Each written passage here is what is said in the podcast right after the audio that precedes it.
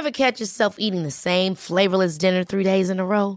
Dreaming of something better? Well, HelloFresh is your guilt-free dream come true, baby. It's me, Gigi Palmer. Let's wake up those taste buds with hot, juicy pecan-crusted chicken or garlic butter shrimp scampi. Mm. Hello Fresh. Stop dreaming of all the delicious possibilities and dig in at HelloFresh.com. Let's get this dinner party started. Many of us have those stubborn pounds that seem impossible to lose, no matter how good we eat or how hard we work out. My solution is PlushCare. PlushCare is a leading telehealth provider with doctors who are there for you day and night to partner with you in your weight loss journey. They can prescribe FDA-approved weight loss medications like Wagovi and Zepbound for those who qualify. Plus, they accept most insurance plans. To get started, visit plushcare.com slash weight loss. That's plushcare.com slash weight loss. Millions of people have lost weight with personalized plans from Noom. Like Evan, who can't stand salads and still lost 50 pounds. Salads generally for most people are the easy button, right? For me, that wasn't an option. I never really was a salad guy. That's just not who I am. But Noom worked for me. Get your personalized plan today at Noom.com. Real Noom user compensated to provide their story. In four weeks, the typical Noom user can expect to lose one to two pounds per week. Individual results may vary. Tjenare! Det var Glenn här. Välkomna till Gött Enna-podden igen. Och idag har vi faktiskt en ganska aktuell herre med oss här som... Eh, det kommer att smälla till rejält här om ett par veckor. Det är nämligen så att vi har IFK Göteborgs tränare, coach Jörgen Lennartsson i studion idag. Haha! Välkommen! Tack, tack, tack, tack! Välkommen, välkommen! Tack. Eh, om ett par veckor, det är ju imorgon första april är ju. Ja, det var ju det vi sa innan vi skulle... Ja, vi får berätta direkt då. Ja. Det är första gången faktiskt vi spelar in ett... Vi brukar alltid spela in avsnittet samma vecka som vi släpper dem. Ja, Men så vill vi ju gärna släppa avsnittet med dig dagen innan den stora matchen. det förstår jag. Ja. Mm. Och då har jag otroligt mycket att göra. Ja, Så exakt. då har vi inte tid att köta det i, i en podd hela Det förstår vi mycket väl. Absolut. Nej, vi sa ju det vid fredag halv tio där. Då hade du lite möjlighet. Men eh, Ja. vi hoppar det. Vi tog den en dag istället. Ja, det är bra. Det är Ja. perfekt. Eh, är det mycket så att du inte vill bli störd inför en match så eller?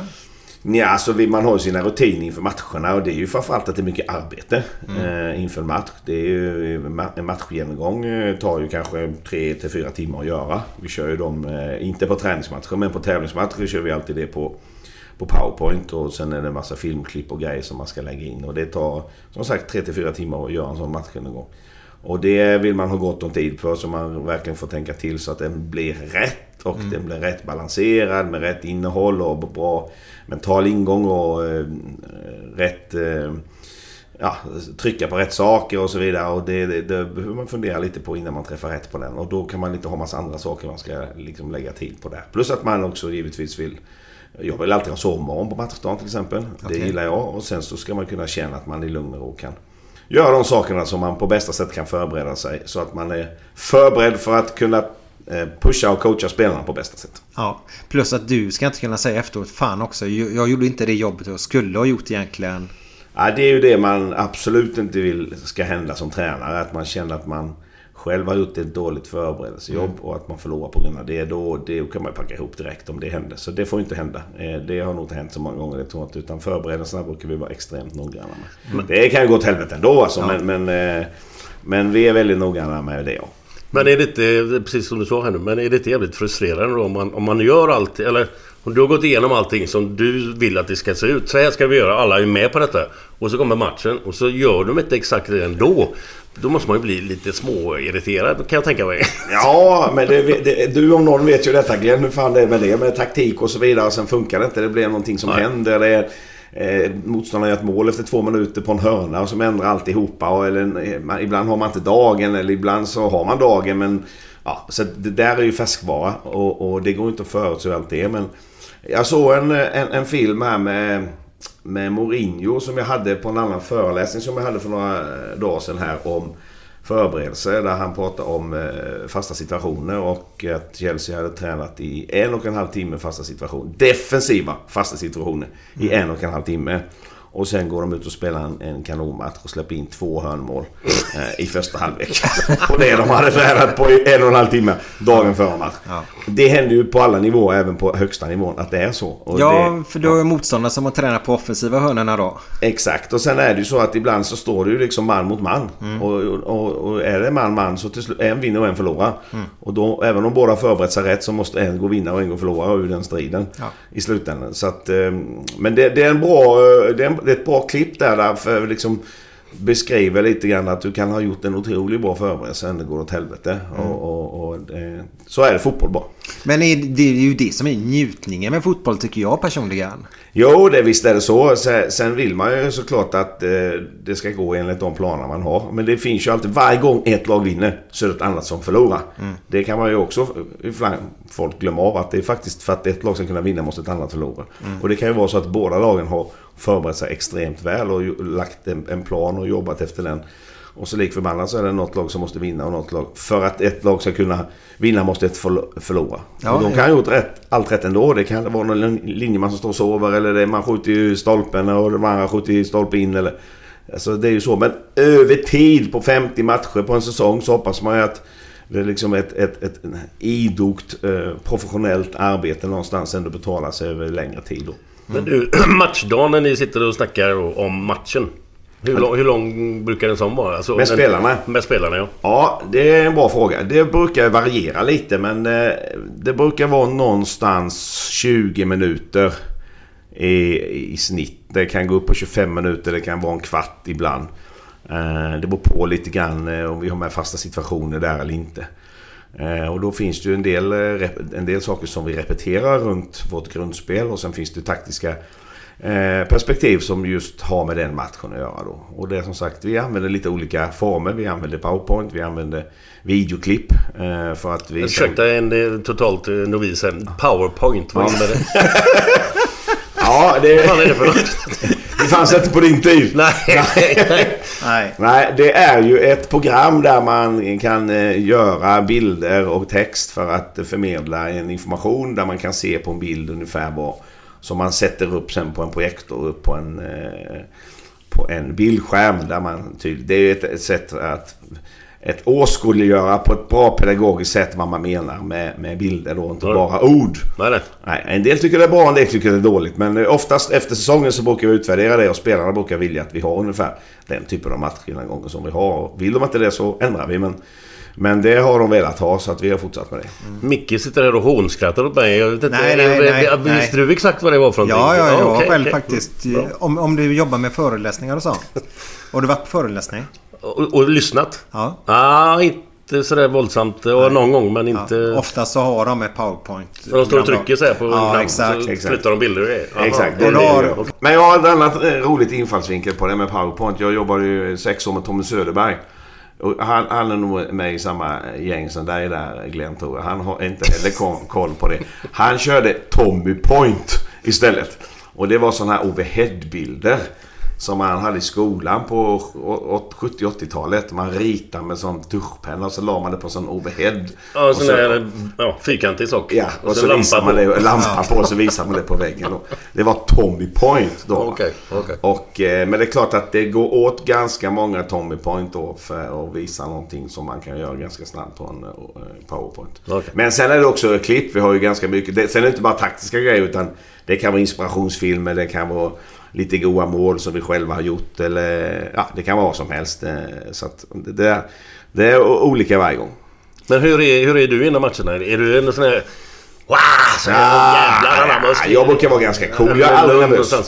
Vad sa du? Jag är aldrig nervös. Aldrig? Jag har aldrig varit nervös när vi spelar match själva. Det är, det är ingen bra egenskap att vara nervös när man tränar. Jag kan vara nervös när Ingmar Stenmark åkte skidor. Att han skulle ramla i sista porten eller någonting. När han, det, då, kunde jag vara, nervös- var, då var jag nervös. När jag kollade på Ingmar Stenmark på 70-talet. Och sen kan jag vara nervös någon gång om jag tittar på en match. När det gäller väldigt mycket. Men man, liksom, man tittar på andra lag som spelar. Och eh, typ det kan påverka våran, våran situation. Man, man, man, två, två lag möts och resultatet där påverkar hur det, hur det ska sluta för oss. titta, titta på en sån match då när du inte själv kan påverka själva matchen. Det kan vara jobbigt. Och sen klart om Liverpool leder på Trafford med 1-0 och de United skulle trycka på på slutet där och försöka kvittera. Då kan man ju... Ja. Men eh, när vi spelar, nej aldrig. Jag försöker vara ganska så lugn. Sen ibland behöver man eh, höja rösten och elda upp gumman. Men, men är, är, du lugn utåt sett bara då? Eller innerst inne så kokar det? Eller, eller hur? Nej. Eller, är det bara för att du ska se lugn ut? Nej, det är ganska lugn innerst inne också. Så att, eh, nej ja, det... För som ja. spelare så måste man ju vara lite nervös. Annars man ju fan inte lagt Ja, vet, men ja, jag blir... Eh, visst har det hänt någon gång sådär att man när det, när det är lite extra matcher, när det pirrar lite. Men eh, då får man då får man hålla det internt. Ja, men jag tänkte säga det för det är ju pirret som är nervor, nervositet, eller? Ja, ja, ja, jag som spelare så måste man ju vara nervös. Alltså, annars så vet fan om man tänker på rätt saker. Men ofta säger ju spelare det också att när man sitter på läktaren, det är ju då man är mest nervös. Ja, så är det. När man absolut. inte kan påverka det då. När väl domaren blåser igång det så släpper ju nervositeten mm. också. För dig. Ja, ja, absolut. Mm. Men jag, nej, jag brukar inte vara nervös. Nej, vad skönt. Nej. Ja. Det, men det var Powerpoint vi var inne på där då. Så det är en uppdaterad... Eh, vad hette, vad hette den som han körde? Tommy, Tommy Point. Tommy Point. Tommy Point. Tommy Point. Sätt nivån Glenn. Glenn, jag vill ha nivåsättning. Ja, ja, ska vi göra det kanske? Jag ska bara gå igenom mina papper här, vad jag hade skrivit här nu. Nu ska vi se här. Du ska inte gå igenom papper, du ska ha dem i huvudet. Ja, Glenn. men de sitter i huvudet här men... Eh, jag kan ta en, en, en eh, snabb här. Den var snabb. jag hade sex med Fröken Ur. Jag kom i tid. Ja, ja. det tyckte jag var rätt okej okay, ja, faktiskt. Ja, ja. Uh, ska vi dricka rött eller vitt vin? Det återstår att se. Nej, då var det väldigt låg nivå ja. på det här. Alltså, Jörgen Lennartsson... Rosé, rosé. Ja, ja, ja, jag fattar det, men det är ju inte bra. Är den från den här kaffebass eh, blåvitt eh, eller? Glenn, Glenn, Glenn, Glenn. Men då kan jag ju säga så här då. Alltså, är det den nivån nu så ja. kan jag vara med också då. Okej, okay, kör du. Kontra ja. lite nu. Vad heter dörrmatta på spanska? Mm, matador. Ja! ja, men jag tar en sista då. Ska okay. jag göra det? Mm. Vilken kroppsdel är mest kriminell? Den är till dig då Jörgen. Nej, det vet fan. Hälarna. så dåligt. Den var ju bra i alla fall. Ja, vet liksom. Det var bäst hittills. Det är ju mycket snack nu Jörgen. Om ungdomar och sånt. Eh, jag tänkte gå in på det. Ja, visst. Eh, för jag har ju en väldigt klar och tydlig bild. Jag har ju aldrig förstått varför en eh, tränare överhuvudtaget inte skulle ta ut en ungdom om han nu inte är spelet klar. Utan man tar ju ut det bästa laget. För man vill ju inte att det ska gå dåligt för sitt egna lag. Nej. Eh, och det har ju varit väldigt mycket snack om Blåvitt faktiskt. Med att inte släppa fram ungdomar. Hur ser du på det? Ja, alltså det är ju en väldigt enkel fråga. Eh, IFK Göteborgs A-lag är ju ett lag som slåss i toppen på Allsvenskan. Där vi har dels eh, höga förväntningar, krav på oss att vi ska göra det. Vi har massa supportrar som önskar och vill eh, och följer oss och vi vill att vi ska vinna. Det är också en, en professionell verksamhet med en kommersiell inriktning som innebär att i slutändan är våra jobb eh, avhängda på att vi vinner fotbollsmatcher. Inte bara spelare och ledare utan hela föreningens anställda hänger på att vi vinner fotbollsmatcher. Och det betyder att vinna kommer alltid på plats ett. Det går liksom aldrig att säga att ja, vi spelade roligt men vi förlorade. För gör vi det i en hel säsong så åker vi ner i Superettan. Hur roligt vi än spelar. Eller om vi släpper fram en massa unga spelare och förlorar. Mm. Så åker vi ner i Superettan. Om man alltså ställer frågan på sin spets. Ja. Vilket betyder att vinna kommer alltid på plats ett. Sen kan man då vinna på olika sätt och vi vill försöka vinna på ett attraktivt positivt sätt som publiken känner en, en, en tillhörighet till och tycker om att gå och titta på oss där. Och sen kommer nästa fråga då, vilka det är som ska göra så att vi vinner då. Och där är det ju så att vi, det är liksom en konkurrensvärld vi tränar 7, 8, 9, 10 pass i veckan. Och där min uppgift är att ta ut det laget som har störst chans att vinna matchen nästa, nästa gång då. Mm. Och det är klart att eh, om vi nu har ett antal spelare som konkurrerar om samma plats. Och så har vi en som är 30 och en som är 25 och så har vi en som är 19. Och så är eh, den som är bäst är 30 Eh, så får inte han spela för att en annan ska spela som är 19. Bara för att han på meriter är yngre. Inte på kvalitet utan på meriter är yngre. Det blir en omöjlig situation i, en, i ett fotbollslag. Mm. Vem, vem vill då vara med där om det är de unga som ska spela på meriten att de är unga. Inte på meriten att de är bra. Utan åldern är relativt ointressant. Det handlar om kvalitet. Mm. Och de unga spelarna, om de är tillräckligt bra, så får de spela. Eh, det är liksom det viktigaste grejen. Det är inga unga spelare som, ska få spela, kan, som kan spela i Göteborgs A-lag på meriten att de är unga. Utan det är på meriten att de är bra, de håller kvaliteten, de har en utvecklingspotential, de kan hjälpa laget att vinna fotbollsmatcher. Då blir de också accepterade av övriga i gruppen. Och då, då deras eh, eh utveckling kan köra igång rejält när de kommer upp i A-laget. Skulle jag sätta in en massa spelare som inte är tillräckligt bra och vi skulle förlora matcherna så blir det ju inte lätt för de spelarna heller. För det får ingen acceptans i gruppen för övrigt. Mm. Utan om de är tillräckligt bra eh, så, så får de spela. Och det har vi haft ett antal spelare, Paka till exempel, som, som var tillräckligt bra när han fick spela. Och han fick spela ganska mycket och, och, och tyvärr så blev han skadad då. Men, men, men han hade den kvaliteten. Sen så finns det ju då en liten, liten gråzon där man kan säga att man kan matcha laget på ett sätt som innebär att du kan stimulera vissa spelare i vissa matcher. Att de känner att de får känna på det, de får känna närheten, de får, får lite speltid som gör att de kan utvecklas och de liksom tar steg och så vidare. Det där är ju inte som svart eller vitt utan det finns ju en, en, en gråzon däremellan. Mm. Och det betyder ju då att när matcher om det finns matcher som är, är, är, på ett sådant sätt att det finns en möjlighet att matcha spelare eh, som är lite bakom de eh, eh, elva bästa. Så försöker vi givetvis göra det. Men då har du också situationen att om du har två spelare som sitter på bänken och den ena är 19 och den andra är 25, 26, 27. Så är det samma sak där. Han som är 25, 26, 27 och som tränar 10 pass i veckan för att försöka slå sig in i startelvan. Hur reagerar han på att han inte får hoppa in för att en som är 19 ska få hoppa in på meriten att han är 19? Mm. Det, blir heller, det blir också en helt omöjlig situation. Utan någonstans så är vi i den situationen i Göteborg att det är de bästa spelarna som, som, som, som måste få spela. Sen har vi givetvis en stor önskan och en ambition och en, ett hårt arbete pågår. Att försöka utbilda och utveckla våra egna spelare så att de blir så pass bra att de kan se till så att de kommer in i A-laget och hjälper A-laget att vinna fotbollsmatcher. Mm. Och, och, och, där behöver ju givetvis de spelarna eh, speltid för att kunna utvecklas och ta de kliven. Men den speltiden får de eh, så så här, någonstans när de har gjort sig förtjänt av det. Inte annars, för då blir det helt fel. Men du, hur är den... Eh, alltså jag kan ju inte, jag hänger inte med alls där. Men den så kallade B-lagsserien då. Det heter U21-serien. Ja. Hur, hur, bra är den så att säga? Är, är det en bra... Tillräckligt bra inkörsport för unga killar att komma in där och förkovra sig lite? Alltså det, det, här är ju en extremt svår fråga.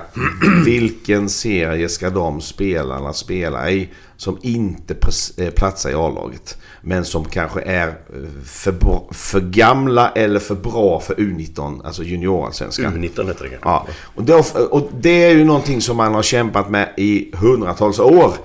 Lösningen på det. Och det finns olika varianter i olika länder. Ibland har man eh, det laget spelar kanske division 2. Ibland har man, hade man som på din tid allsvenska särlagsserien, division 1 och division 2. Man har numera då en U21 allsvenska som innebär att man har en U21 det betyder att spelarna ska vara under 21 år. Samtidigt så får du ha fem överåriga.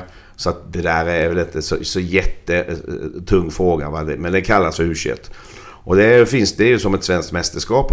Men, men de matcherna blir ju inte på samma sätt. Det är lite mindre publik och framförallt är det inte riktigt... Det blir liksom ingen konsekvens om man vinner eller förlorar den matchen. Det är liksom inte så att det det, ditt jobb står på spel om du vinner eller förlorar. Utan det blir, ja, vi vann eller vi förlorade. Det blir liksom en annan perspektiv på dem, den typen av matcher.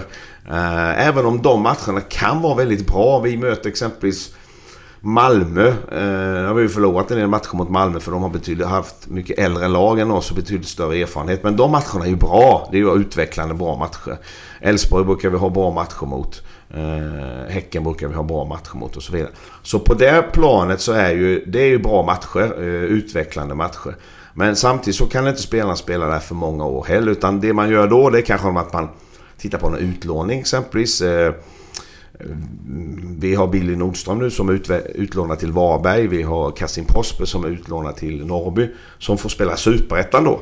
för att ta så säga, ett, det här mellansteget då mellan U21 och ordinarie i Allsvenskan.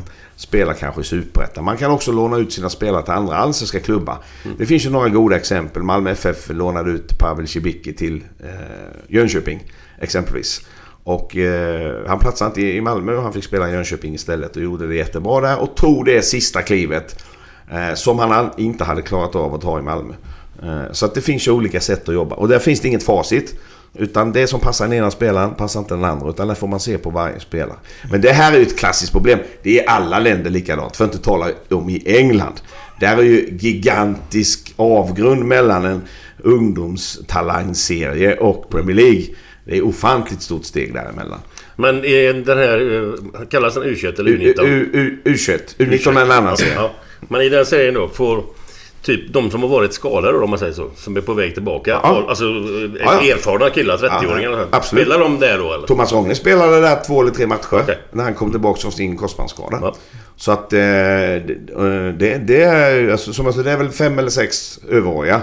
De får vara gamla som helst i den serien då. Så det kan vara en jävla skillnad på klass på ja, matcherna i och med vilka gubbar som är med då? Alltså. Det, det, och det är det det är. Det är ja. Därför kan det vara konstiga resultat. Det kan vara 5-0 i ena matchen och 0-5 i andra. Mm. För man vet inte riktigt vilka. Sen kan det vara så när man spelar den typen av matcher under en period när vi är ute i Europa och spelar till exempel. Har vi då en allsvensk match på söndagen och så har vi en u match på måndagen.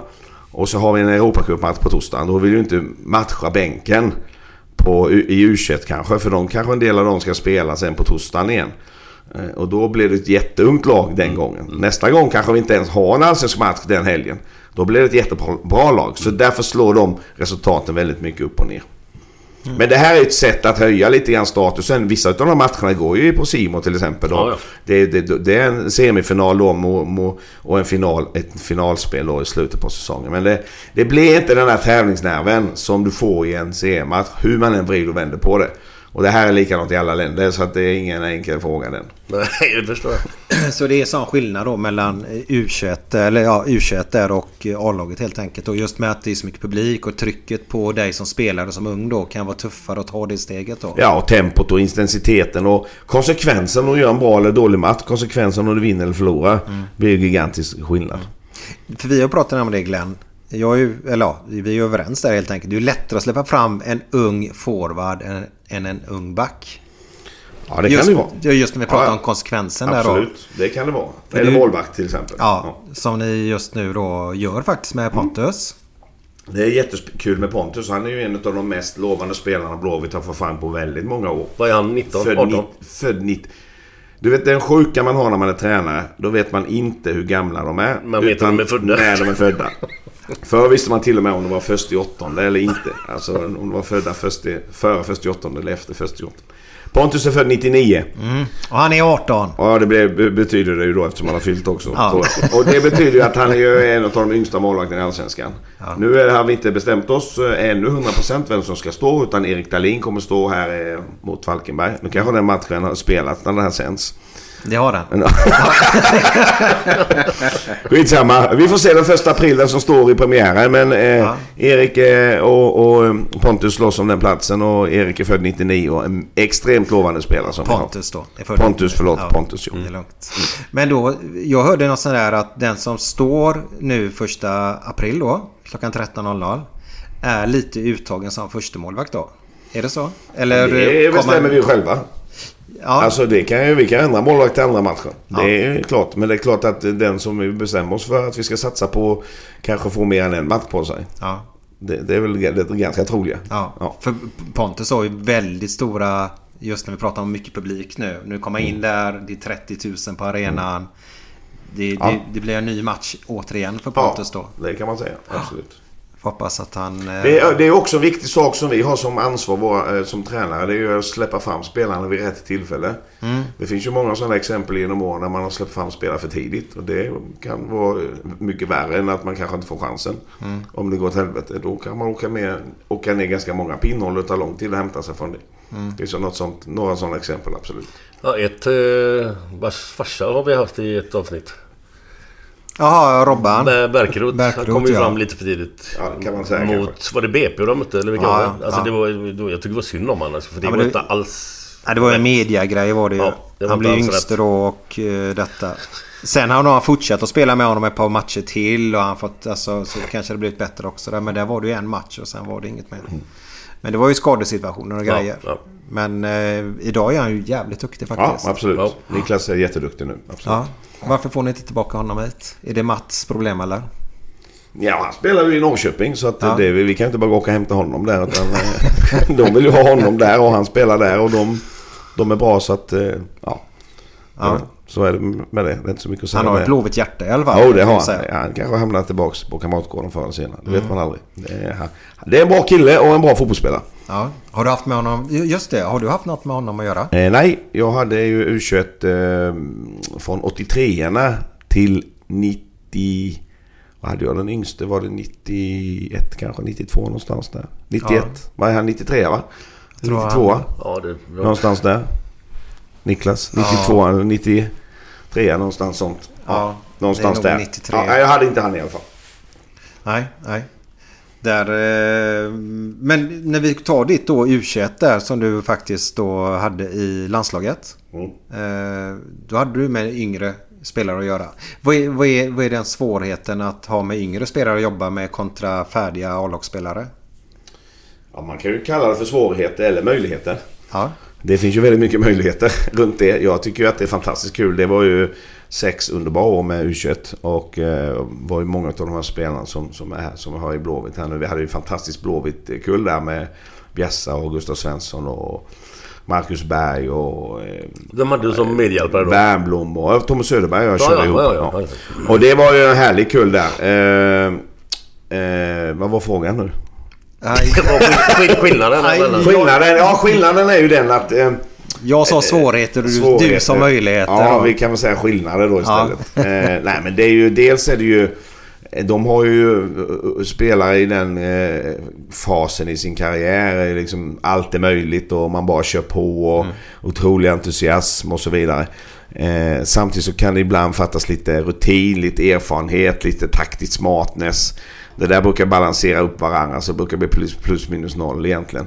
Men det taktisk kyla, smartness kan ju vara eh, viktiga faktorer. Som, som man kanske saknar då i den åldern. Eh, sen är det ju många då som kanske byter klubb i den perioden när de är med i U21 och då kan det hända väldigt mycket med deras utveckling. Eh, det finns spelare som då kanske spelar i en klubb och är tongivande där och är extremt viktiga i U21 och sen så flyttar de utomlands och så hamnar de på inte ens på bänken utan kanske på läktaren och då kanske deras kvalitet avstannar väldigt snabbt och så tappar de självförtroende och då är det en helt annan spelare som kommer hem tre månader senare till en landskamp än den som man skickade iväg från landskampen tidigare exempelvis. Det har ju hänt en, ganska många gånger. Men det är ju att förbundskapten för U21 är ju ett eh, fantastiskt eh, spännande jobb alltså. Det var det. Det var eh, sex underbara år. Det var ju en härlig kull vi hade där och det var ju ett fantastiskt roligt mästerskap, eh, slutspel då som vi hade här i Sverige med många legendariska matcher. Ja. Hur, hur var det att jobba med Tommy? Jo, det är ju jättekul. Jag har ju känt Tommy väldigt länge. Det är så att Tommy, Back, Tom, Tommy Söderbergs fru och Hasse Backes före detta fru är barndomsvänner. Jaha, och det betyder att när jag var tränare i Öster och jobbade där och Hasse Backe var där så eh, var Tommy där på besök på somrarna ibland. Och då träffades vi en gång på Hasse Backes baksida. På en grillfest där. Och eh, fick ju en väldigt bra kontakt direkt där. Det var ju inte så svårt att linka ihop oss dock får man säga. För vi, för det var ju ganska gött eh, fotbollskött där kan man säga. Och sen på den vägen är det. Och, sen, och då var Tommy tränare i AIK. Och sen när han blev tränare i U21 första svängen så var, hjälpte jag han lite grann med att vara assisterande på några landskamper. Och sen blev han förbundskapten för A-landslaget och då hjälpte jag dem att vara lite scout och bevaka lite motståndare och så vidare. Och sen när han slutade för, för, som förbundskapten för A-landslaget så var ju han sugen på, eh, på... Fick han ju U21-jobbet igen då och då hade jag, höll jag på Häcken. Vi hade precis gått upp i Allsvenskan med Häcken då. Men då kände jag att det kunde vara jäkligt kul att börja jobba med landslag. Så att fick jag en förfrågan där och då hade jag... Första två åren hade jag halvtid U21, halvtid juniorlandslaget. och, och, men det blev för mycket med två landslag. Jag hade, det var ju hur många, jag tror jag hade över 100 övernattningar per år där. Utomlands många av dem. Så att då, då släppte jag juniorlandslaget och sen hade jag Sen gick Tommy ner på halvtid då på U21 och så hade jag U21 på heltid då de sista fyra åren. Så att det var ju en äh, här, härlig tid och Tommy är en fantastisk eh, människa och, och på alla sätt att jobba med. Du, är det någon... eh, Jag vet inte, men eh, det kanske inte är någon skillnad. Men vad, vad, Häcken Blåvitt? Vad, vad, vad, alltså, som klubb, skiljer det någonting? Eller är det ungefär samma sak? Nej, det skiljer ju ganska mycket. Det är Ja. två väldigt fina klubbar. Ja. Som jag respekterar väldigt mycket. Det är bra människor i båda klubbarna. Eh, Men det är ju två väldigt skilda föreningar på, på olika sätt. Och Blåvitt har ju en supporterskara och en... Ja, ett, ett intresse runt föreningen som ju är eh, otroligt stort. Du om någon vet ju det Glenn. Med intresse, alltså det är ju inte, alltså det är bara, inte bara Göteborg utan det är ju var vi än kommer. Och det är även utomlands så finns det ju ett otroligt, alla känner till IFK Göteborg. Och, alltså det var ju en undersökning här för någon månad sedan där vi var den mest Eh, den populäraste idrottsföreningen alla kategorier. Vad var det? 8,6 procent av, som höll på IFK Göteborg av alla tillfrågade. Alla idrottsklubbar, pratar även hockey, handboll och allting. Den mest populära idrottsföreningen IFK Göteborg. Så det är klart att det för ju med sig eh, att, att det är en klubb som det, det är ett otroligt drag runt och en massa intresse och så vidare. Och sen är det ju en, en, en anrik förening där man någonstans supportrarna föds in i generationer. Farfar och pappa och barn och barnbarn och så vidare. Man föds in i, i, i, i ett supporterskap runt Blåvitt. Häcken har ju inte alls den historien då. Det är en mycket yngre förening och, och har inte på samma sätt eh, upptagningsområdet har ju varit mer runt Hisingen. Men det är en, en klubb som har ju gjort väldigt mycket bra saker. Och, och mycket koppling till Gothia Cup som eh, är ett starkt eh, varumärke och otroligt fin turnering där, där Häcken eh, såklart har en väldigt stor nytta av att man har den turneringen. Och sådär. Så att, det, men det är ju inte den... Det är ju liksom inte de presskrav och Nej, förväntningar sagt på samma sätt. samma Det, det går inte att jämföra nej. på, Nej. på natt och dag som Nej. det är med, med, med, med Blåvitt. Så att säga. Utan det, men däremot så har de ju sina egna, så att säga, självklart, sina egna krav och sina egna mål självklart i Häcken. Men den yttre pressen är inte i närheten. Det går inte att jämföra på natt och dag. Nu pratar vi om om inom fem år ska de ta SM-guld. Ja, Ja.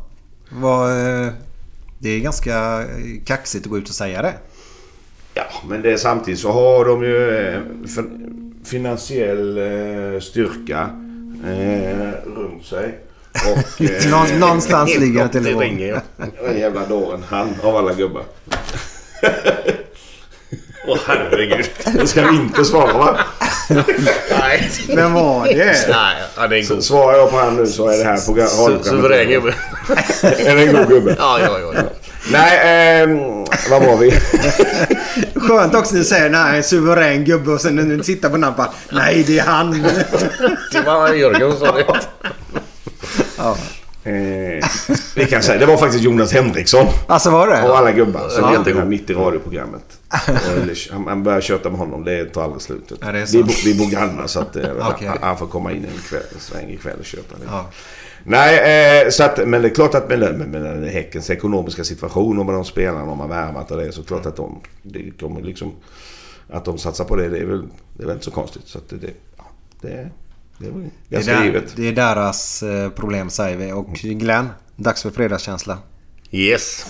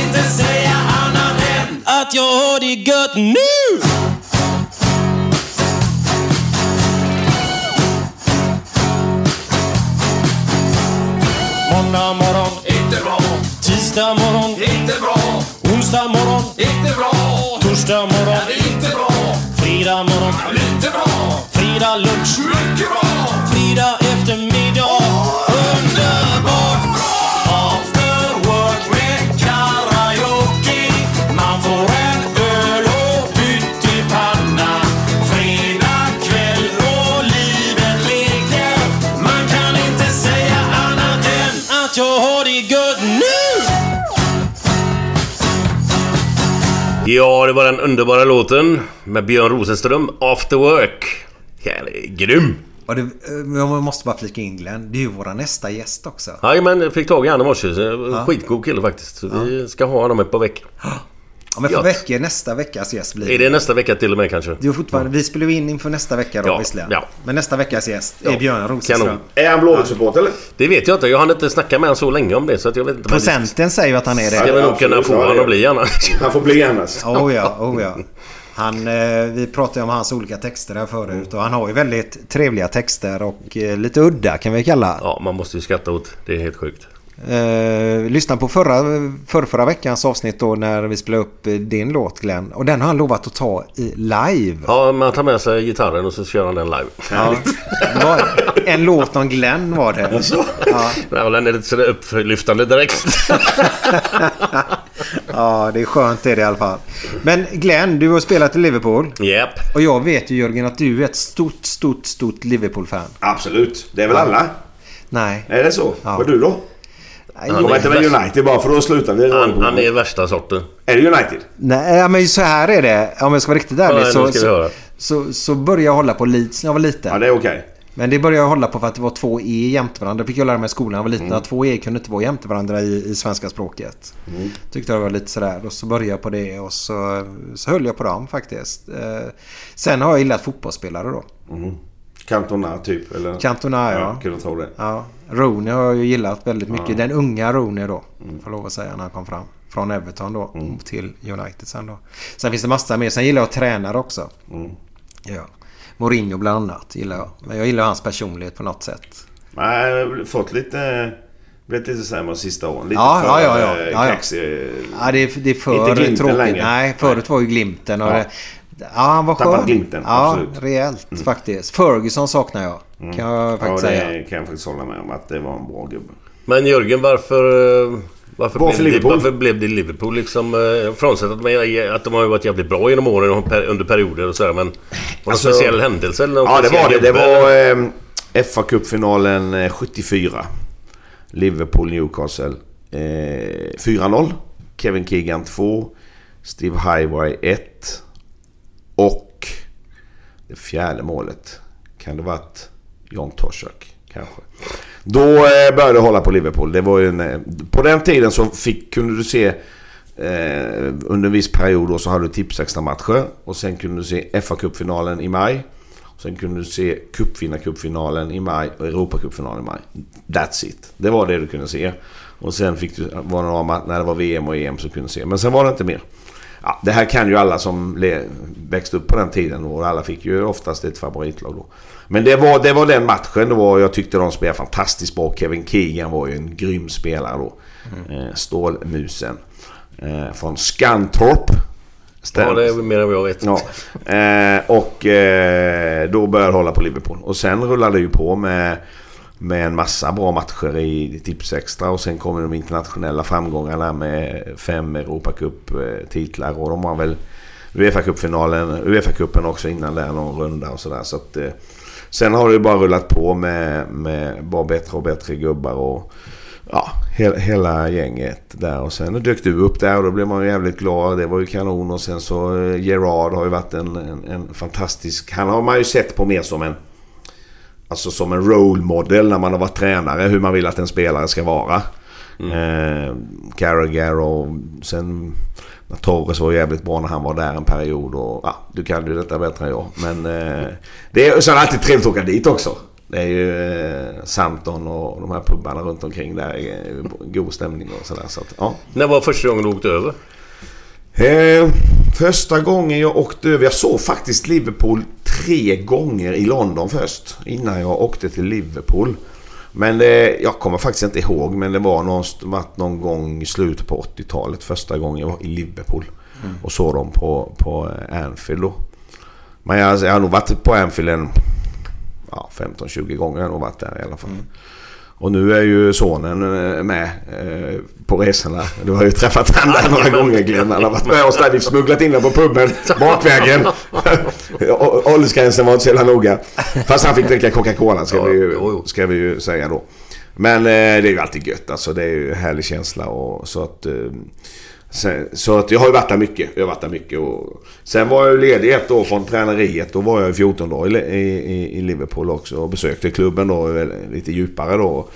Och följde verksamheten på, på olika sätt. Det var ju när Brennan Rodgers var där också. Då var jag faktiskt hos Everton också. Hos Roberto Martinez några gånger. Som jag måste respe, respektera också faktiskt. Det, det är en, en fin, fin man och en bra tränare. Så att, så att, ja, nu är man ju liksom, nu har man ju följt Liverpool både utifrån ett tränarperspektiv men givetvis också utifrån ett så att säga, tra, traditions supporterperspektiv. Det, är så. Men jag, jag har faktiskt fråga där. Eh, Var det där 12 efter 12 där eller var det efter 2013 då du hade uppehållet? Eller? Nej, detta var det året jag hade som jag, som jag inte hade något jobb var 2014. eh, Var 14, ja. 14 ja. Men du var över där då och studerade dem i 14 dagar sa du eller? Nej, jag var åkte runt. eh, nej, Jag bodde i Liverpool i 14, nej, jag var till och med 16 dagar tror jag. Och då var jag runt. Jag besökte Liverpool eh, ganska många dagar och följde verksamheten. Och sen var jag ju även hos... Min eh, fråga var då, ja. får man lov att bara besöka Nej, jag har en del eh, lite bra ingångar där som... Ja, ja. som, som eh, ja, annars går det inte. Nej, jag tänkte vad fan, bara åka över och studera där. Och eh, det, var, det, det var ganska... Då träffade jag han som... Han som var vaktmästare på Melwood. Han var busschaufför. När, Ja, ja, när du ja, spelade. Ja, ja för fan. Ja. Jag kommer inte ihåg vad han heter nu men... Och, och sen kom det allra roligaste. Han är materialförvaltare nu. Ja, det stämmer. Alltså, det, det var han. va? Assisterande material- materialare. materialförvaltare. Han var busschaufför. Han hälsade ut till dig. Ja, ja. Sen kom det allra roligaste. Det var ju när jag var ute på, på Kirkby då, på, äh, på akademin. Då träffade jag Kenny Daglish. Och vi började köta lite där och ja, satt och tog en lunch ihop och så här. Och då, då kom vi in på dig Glenn. Och då sa han You have to tell him to stop. He cannot be a fucking competition dancer. I heard that he has been a fucking competition dancer. have to tell him to stop that.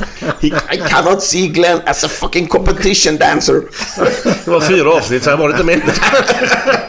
Det var då när han var med i Let's Dance och det hade Kenny Daglish fått reda på då. Det tyckte han inte om alltså. Han gjorde inte det? Nej, men det var jävligt, det var jävligt kul. Vad häftigt. Ja. Du kommer ihåg det jag sa det? Ja, ja, ja, ja. Herregud, herregud. Men du... Eh, Och det var ju många goa utav dina gamla polare där med Phil Thompson och Allan Hansen Ja, och hela fan. gänget där. Så att, ja, det är ju ja, fantastisk. eh, Det är ju god, god miljö där va. Ja. Har det förändrat sig eftersom du varit, du sa närmare 20 gånger i alla fall eh, på- Anfield? ja, då har jag ju varit och sett på matcher. Inte så i typ i klubben. Nej, men så, alltså Ja. har det förändrat sig supporterskapet? Man säger eh, runt arenan, inne på arenan kontra nu kontra då? Det kan ju inte Glenn svara mycket bättre på än vad jag kan. ja, jag känner ju bara att... Ja, framförallt sen de, Nu är det ju jättebra att de bygger på 10 000 extra där men... Och det blir ju ännu större och det är 54 000 och så vidare men... Jag måste ju säga att det, alltså, stämningen är inte lika som det var för 5-6 år sedan alltså. Och, så Det är har det inte ju. bara med det att göra Nej. utan det är massa annat också. Det är, det är ju massa turister på arenan. Alltså, det, egentligen är det ju ännu värre på de andra arenorna. I London är Alltså ju går du på Arsenal va? Eller United samma sak. Det är fan bara hälften, en tredjedel är kineser. På, på Uniteds matcher. Eh, som liksom, de ska ju ha in folk i, i shoppen och de måste ju byta ut en tredjedel av eh, publiken varje match som ska handla i shoppen. Men stämningen är ju borta. Liverpool har ju ändå varit en av de få klubbarna av topplagen som ändå har bibehållit någorlunda stämning med The Cup och så vidare. Men det är klart att i, i takt med att det blir mer kommersiellt och det blir mer och mer turister på matcherna så minskar ju stämningen. Så är det ju bara. Och ståplatserna bort har ju påverkat en del såklart. Så är det absolut. Tyvärr, det är ju något som hela Premier League får lida för. Du får ju gå ner på Championship för du ska hitta de eh, goa stämningarna Ja, eh, det finns som det var ju förr. ett typexempel kvar fortfarande. Newcastle är ju Ja. fantastiskt alltså. Ja, det är precis. helt sjukt. Ja, det är norra delen. Då Har, har de bäst eh, stämning eller? Nej, de övriga vet jag inte men jag kan bara just Newcastle. Där är helt sjukt. Ja, har du varit eh, där uppe? Ja, jag har inte varit i Newcastle. Men... Det, jag tror rent generellt så får du ner till... Nu är ju Newcastle Championship. Så att eh, du får väl ner där för att hitta de här... Eh, jag vet inte, typ West Ham och... Det, nu spelar de ju på, på den här nya stadion så att det kanske inte är samma tryck där. Jag det vet jag inte. Men eh, rent generellt har ju desto mer kommersiell och mer pengar som har kommit in i Premier League desto bättre spelare har kommit dit och desto mer turister är det som åker dit och tittar och desto mindre stämning blir det. Det är väl den enkla konklusionen. Men du, alltså jag, jag har ju, det kan, kan vara en skröna men jag har hört att, jag, jag, jag känner ju dig ganska väl men att du har, du har varit ute och rest så in i helvete har du inte det genom åren? Ja. Kollat fotboll med ja. både själv och med din son eller någon andra eller? Absolut. Ja, du har åkt runt hela Europa ja. och kikat överallt och sådär. Ja. Hur har du hunnit med det samtidigt som man tränar liksom? Ja, alltså dels så är det kul att åka och kolla på fotboll. Så att det är väl eh, så. Och sen så har jag ju då haft det som yrke. Jag har haft förmånen att vara tränare i mitt 27 år nu tror jag. Eh, och eh, det är klart att då brukar man ju eh, ta några veckor efter säsongen. Eh, och det kan egentligen vara två syften. Det ena är att du gör det av ett nöjessyfte. Att du åker och kollar på några matcher för att det är kul bara. Eller så gör du det i någon form av studie, studiesyfte, fortbildningssyfte. Att du åker runt och så tittar du på antingen tittar du på matcher för att du vill hitta några nya influenser där. Eller så besöker du några människor som du vill träffa och prata med om, om fotbollsverksamhet. Det kan vara tränare, det kan vara psykologer, det kan vara fystränare, det kan vara matchanalytiker. Eller så besöker du en klubb och följer dem under, under några dagar och tittar på hur de jobbar. Och det där har jag liksom hållit på med väldigt, väldigt många år nu. Så att det blivit en annan resa. Sen när jag var förbundskapten för U21 i sex år. Då liksom låg det ju i hela jobbets natur att åka och titta på fotbollsmatcher. För det var ju en del av jobbet där man var förbundskapten. Det var ju att åka och titta på matcher.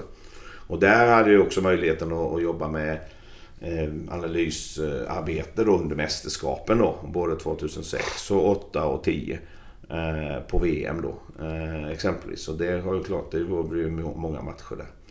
Och sen har man ju ja, sett en fyra, fyra, fem Champions League-finaler och VM-finaler och EM-finaler och sådär. Det är kul. Brasilien hade vi en härlig resa 89 när vi såg Flamengo Fluminense.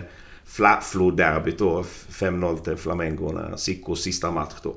Så att det är väl sådana där minnen som man har från de här resorna. Men det, det är så att både utifrån ett eh, nöjesperspektiv men också utifrån ett så att professionellt perspektiv. För att följa fotbollens utveckling. Men åker du själv ofta? Eller åker du med någon? Eller, för jag kan ju känna själv, åka själv, fan. Om, om jag åker för nöjes skull så åker jag inte själv. Nej. Då åker man ju antingen med någon eh, kompis eller åker man ett kompisgäng eller så åker man med sin son. Alltså, däremot om du ska göra, alltså, om du ska göra ett besök hos en förening och följa deras verksamhet och mer alltså, utifrån ett studieperspektiv. Då är det mycket bättre att åka själv. Det är överlägset. Alltså, är du ensam så kommer du mycket lättare in hela vägen så långt du vill i en klubb. Mm. Har du en jävla massa folk med dig så Nej, det är stannar det vid receptionen liksom. Mm. Men det, allting handlar om eh, nätverk och kontakter och så vidare. Så det, men det är klart, jag som sagt jag har hållit på i 20, 27 år och byggt upp ett ganska stort nätverk i, i, i, i fotbolls-Europa framförallt då i, i olika länder med folk som och det, ibland så känner man kanske inte den, men man känner någon som känner någon som kan hjälpa en in då så att säga. Ah, okay. så att, eh, ja. Det, det, är väl en fördel man har när man har det här jobbet. Att det, det, det mm. ja. hur, hur var Stabäck? Stabäck var en, ett, ett, ett, ett eh, trevligt år. Eh, jag slutade ju då med U21 2010. Och kände att nu får det vara nog med landslag. Nu vill jag ha match varje helg och träning varje dag. Och då fick jag den förfrågan om att ta över eh, Stabäck efter eh, Janne Jönsson. Eh, en eh, fantastisk förening. En, en, eh, en förening med, med mycket nytänkande och, och mycket påhittiga människor. Eh, byggde ju en helt ny arena, Telenor eh, stadion, inomhus, 15 000 sittplatser. Jättefin. Ute i, i, i Sandvika, Bärum där. I eh, västra Göteborg då. Eller förlåt, förlåt västra, västra Oslo då. Och eh, en, en, en, klubb med bra fotbollsspelare. Eh, Pontus Farnerud, Mix Diskrut som vi har i Blåvitt nu. Henning Hauge som sen tog till Elfsborg. Och, och, så vidare. Eh, det som var bekymret där var ju att eh, en stor sponsor eh, helt plötsligt drog sig ur. Och helt plötsligt eh, så var det liksom från att en person la in en 40-50 miljoner så var det noll. På, ett, på en dag bara. Ja, bakgrunden det, det, vet jag inte exakt. Men det gjorde ju att det året jag var där så, så blev det ju en, en, eh, en stor besparing som skulle genomföras. Så att jag skrev egentligen på eh, på ett sätt och sen så hände ett antal saker och sen så blev det lite annorlunda. Jag, jag ska säga att jag trivdes fantastiskt bra i Stabäck. Det var en härlig klubb, det var mycket bra människor i föreningen, det var mycket trevliga människor. Vi kunde kanske inte göra den satsningen som, som var tankarna från början men jag trivdes väldigt bra ändå. Vi gjorde en helt okej okay säsong. Vi var, uppe i toppen och, och slogs under, under lång tid under, under våren. Och sen, men sen blev det ju den här ekonomiska situationen. Vi fick sälja Henning Hauge till Hannover. Vi sålde Wäger Paul Gunnarsson till till Vålerengen och sen blev det liksom att överleva egentligen bara. Jag tror vi spelade five side de sista tre månaderna på träningen varenda dag. För att, eh, och sen blev det ju året efter sen då så blev det ju så att eh, eh det, det, skulle bli... Alltså, vi flyttade tillbaka till den gamla arenan igen. Nadderud. Och kunde inte spela kvar i den här nybyggda arenan av ekonomiska skäl. Och det blev ju alla kontrakten annullerades med alla spelarna och, och, spelarna fick ju gigantiska lönesänkningar och alla de bästa spelarna försvann och så vidare. Och samtidigt då så fick jag en förfrågan från Elfsborg så det var inte så lätt att... Eller det var, det var inte så svårt att ta det steget och säga okej okay, vi, vi, vi, vi, vi river avtalet så flyttar jag hem till Sverige igen. Det, det, det var ju bra, bäst för alla parter då. Mm. Men det året var väldigt bra. Oslo, otroligt trevlig stad. Acke Brygga, fantastiskt trevligt på, på somrarna. Och eh, fick väldigt mycket vänner för livet i, i, i, Norge efter den tiden. Mycket kompisar som jag fortfarande har mycket kontakt med. Så det, var ett, eh, det var ett trevligt år ändå. Men hur är den ligan jämfört med Allsvenskan? Ja, en bra fråga. På den, alltså på den tiden och, och kanske de åren före där så var det nog kanske lite bättre. För det var mycket mer pengar i norsk fotboll då. Det var väldigt mycket privata människor som gick in med väldigt mycket pengar. Eh, och väldigt mycket nybyggda, nybyggda arenor i, eh, på den tiden. Nu har ju Sverige kommit i fatt och kanske till och med nästan förbi på arenasidan. Men då var det ju så. Eh, då var nog eh, tippeligan lite bättre. Mera profiler, eh, så profilstarka utländska spelare ska jag säga. Ganska så många eh, väldigt skickliga exempelvis importer då från olika länder. Costa Rica, Afrika, brassar och så vidare. Eh, nu skulle de säga att allsvenskan är bättre. Det tycker jag. Men det har ju, alls, har ju ekonomiska utjämningen blivit väldigt tydlig. Nu kanske nästan så att det är nästan på att, att allsvenskan har gått förbi ekonomiskt. Mm. Eh, tippeligan. Men på den tiden så var nog kanske det lite bättre. Mm. Och sen klart att de hade, hade, hade sitt flaggskepp då i Rosenborg som ju var i Champions League i tio år i rad eller vad det var. Så att, men eh, nej, jag trivdes väldigt bra i Norge. Trevliga människor, otroligt eh, fotbollsintresse. Eh, och Oslo, fantastisk eh, trevlig by att jobba i så att, eh, och bo i. Så det var bra. Man kan, man inte ta, kan man ta en norrman på allvar om han är förbannad? Nej. Det, det, det låter så gluttigt och höttigt. Och, även om man är vansinnig så... Ja, ja, nej, nej, det går ju inte. De bara gulliga ju. du har sett Nils Arne Eggen när han blev förbannad? Ja, herregud. uh, Jörgen, vi har ju många Blåvitt-supportrar som lyssnar på den här podden. Uh, och Hey, it's Danny Pellegrino from Everything Iconic. Ready to upgrade your style game without blowing your budget? Check out Quince. They've got all the good stuff shirts and polos, activewear, and fine leather goods, all at 50 to 80% less than other high end brands. And the best part? They're all about safe, ethical, and responsible manufacturing. Get that luxury vibe without the luxury price tag. Hit up quince.com slash upgrade for free shipping and 365 day returns on your next order. That's quince.com slash upgrade.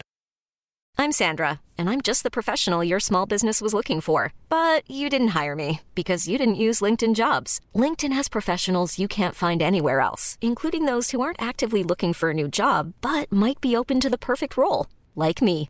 In a given month, over 70% of LinkedIn users don't visit other leading job sites. So if you're not looking on LinkedIn, you'll miss out on great candidates like Sandra. Start hiring professionals like a professional. Post your free job on linkedin.com/achieve today. Wow. Nice. Yeah.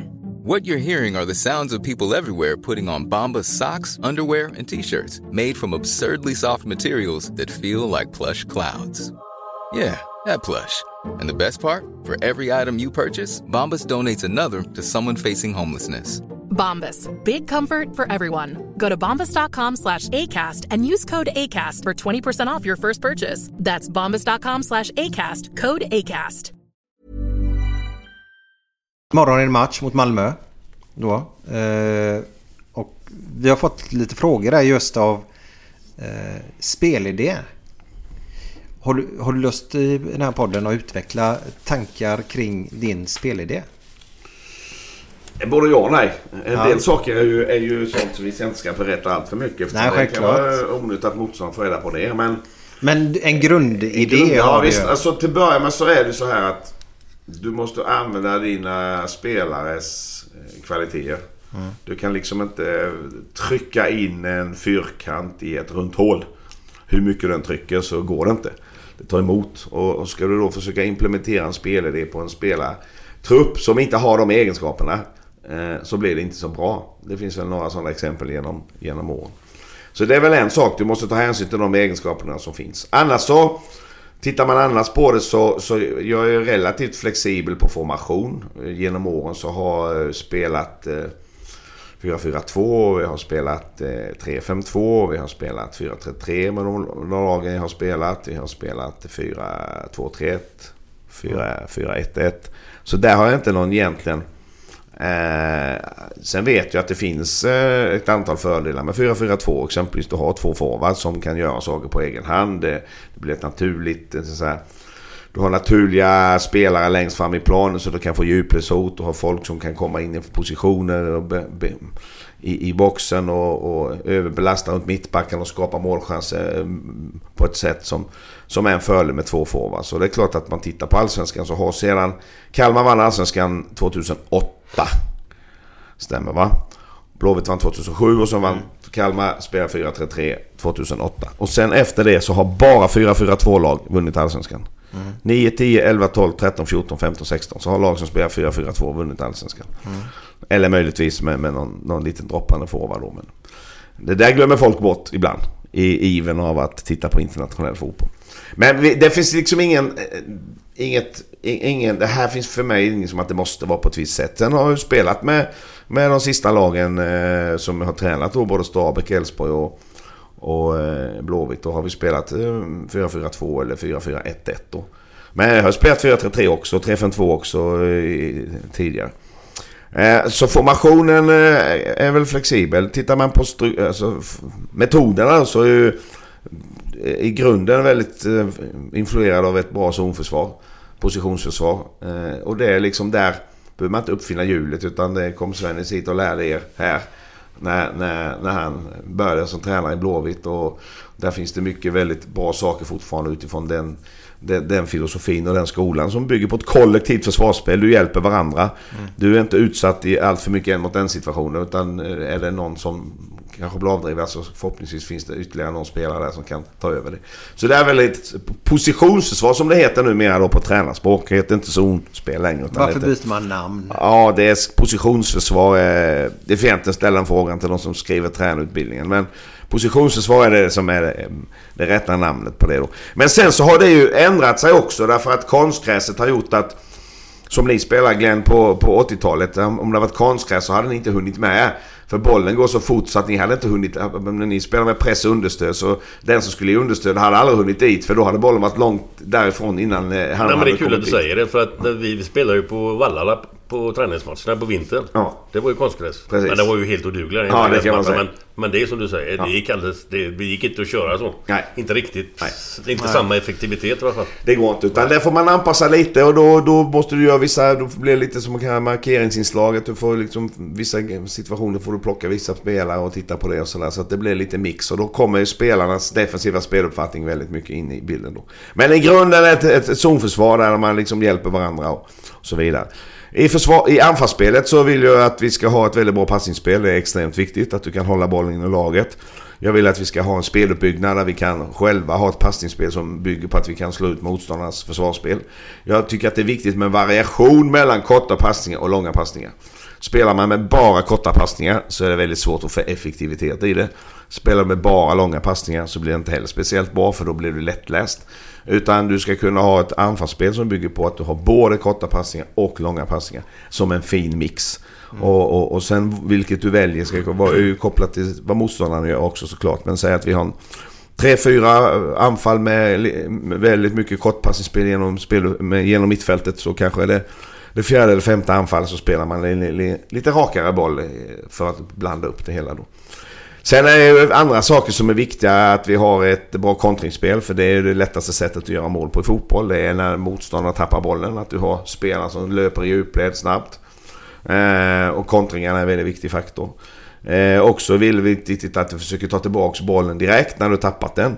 Att du kan ha en hög aggressiv press. Tappar du bollen på motståndsplanen. Så direkt, vad gör du de första två, tre sekunderna?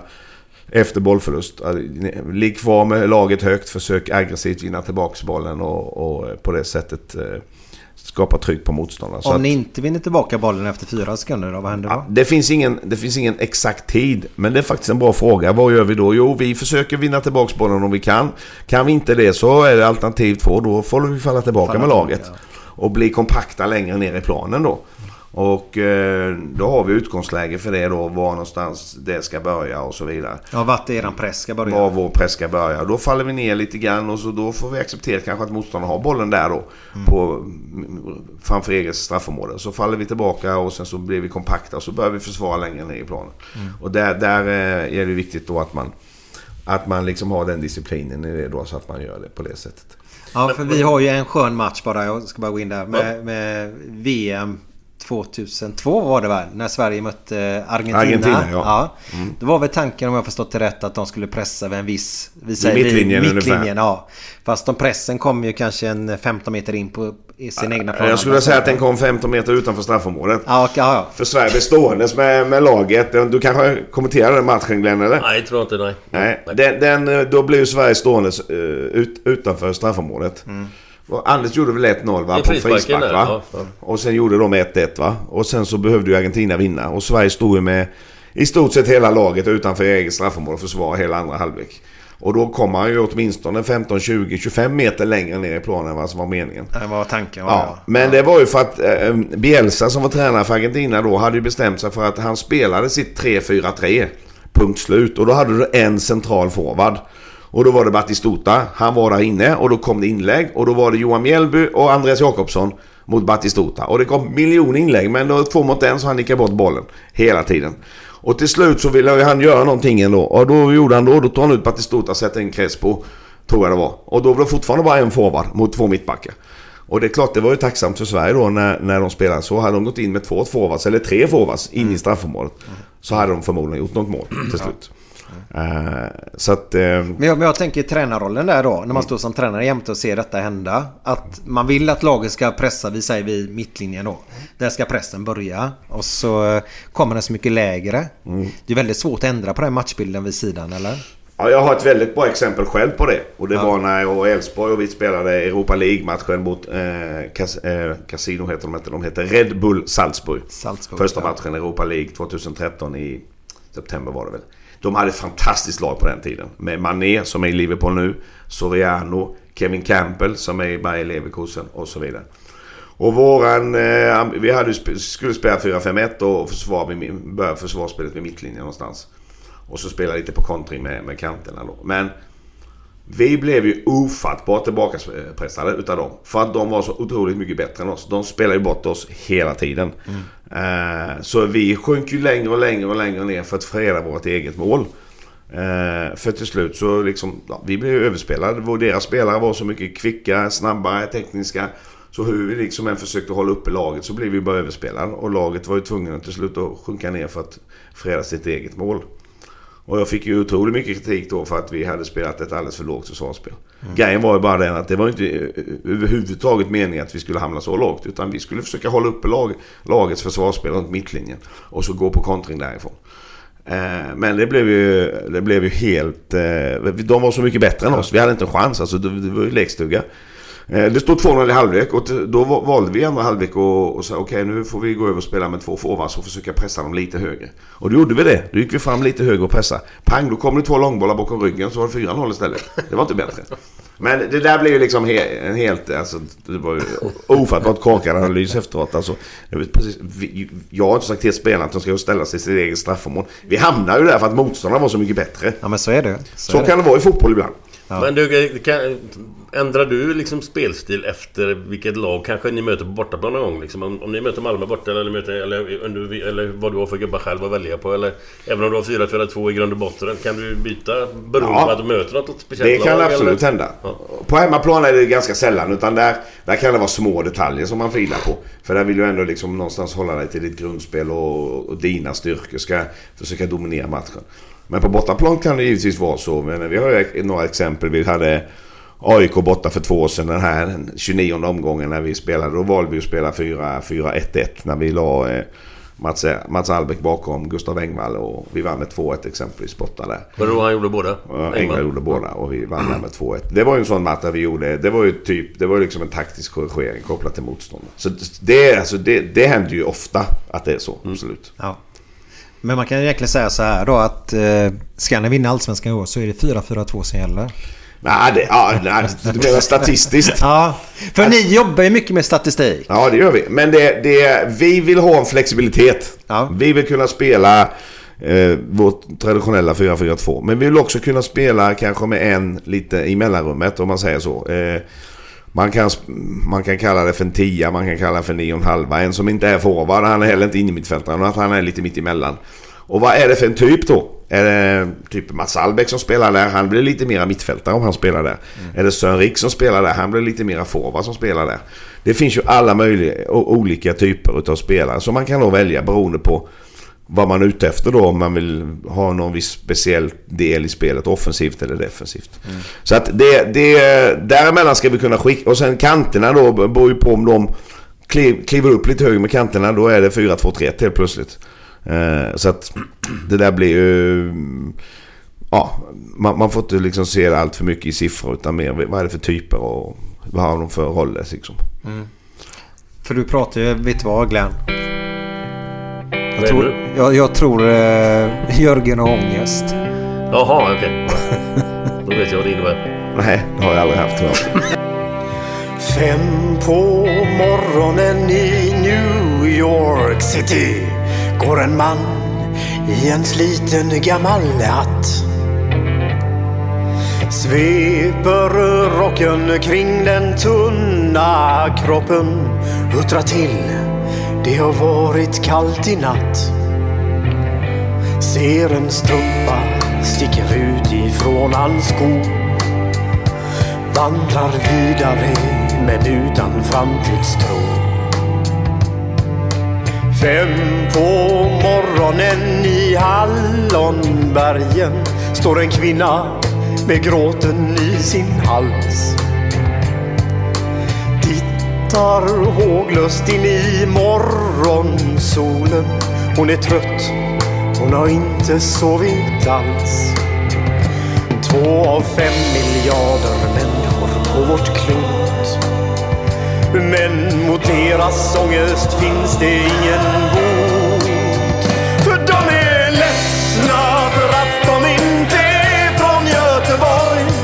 De kan inte se hur Gustav Adolf pekar på sitt torg. Det är inget fel på att vara etiop. Men inte riktigt rätt ändå, det vet de allihop. Och de gråter så det krampar när de får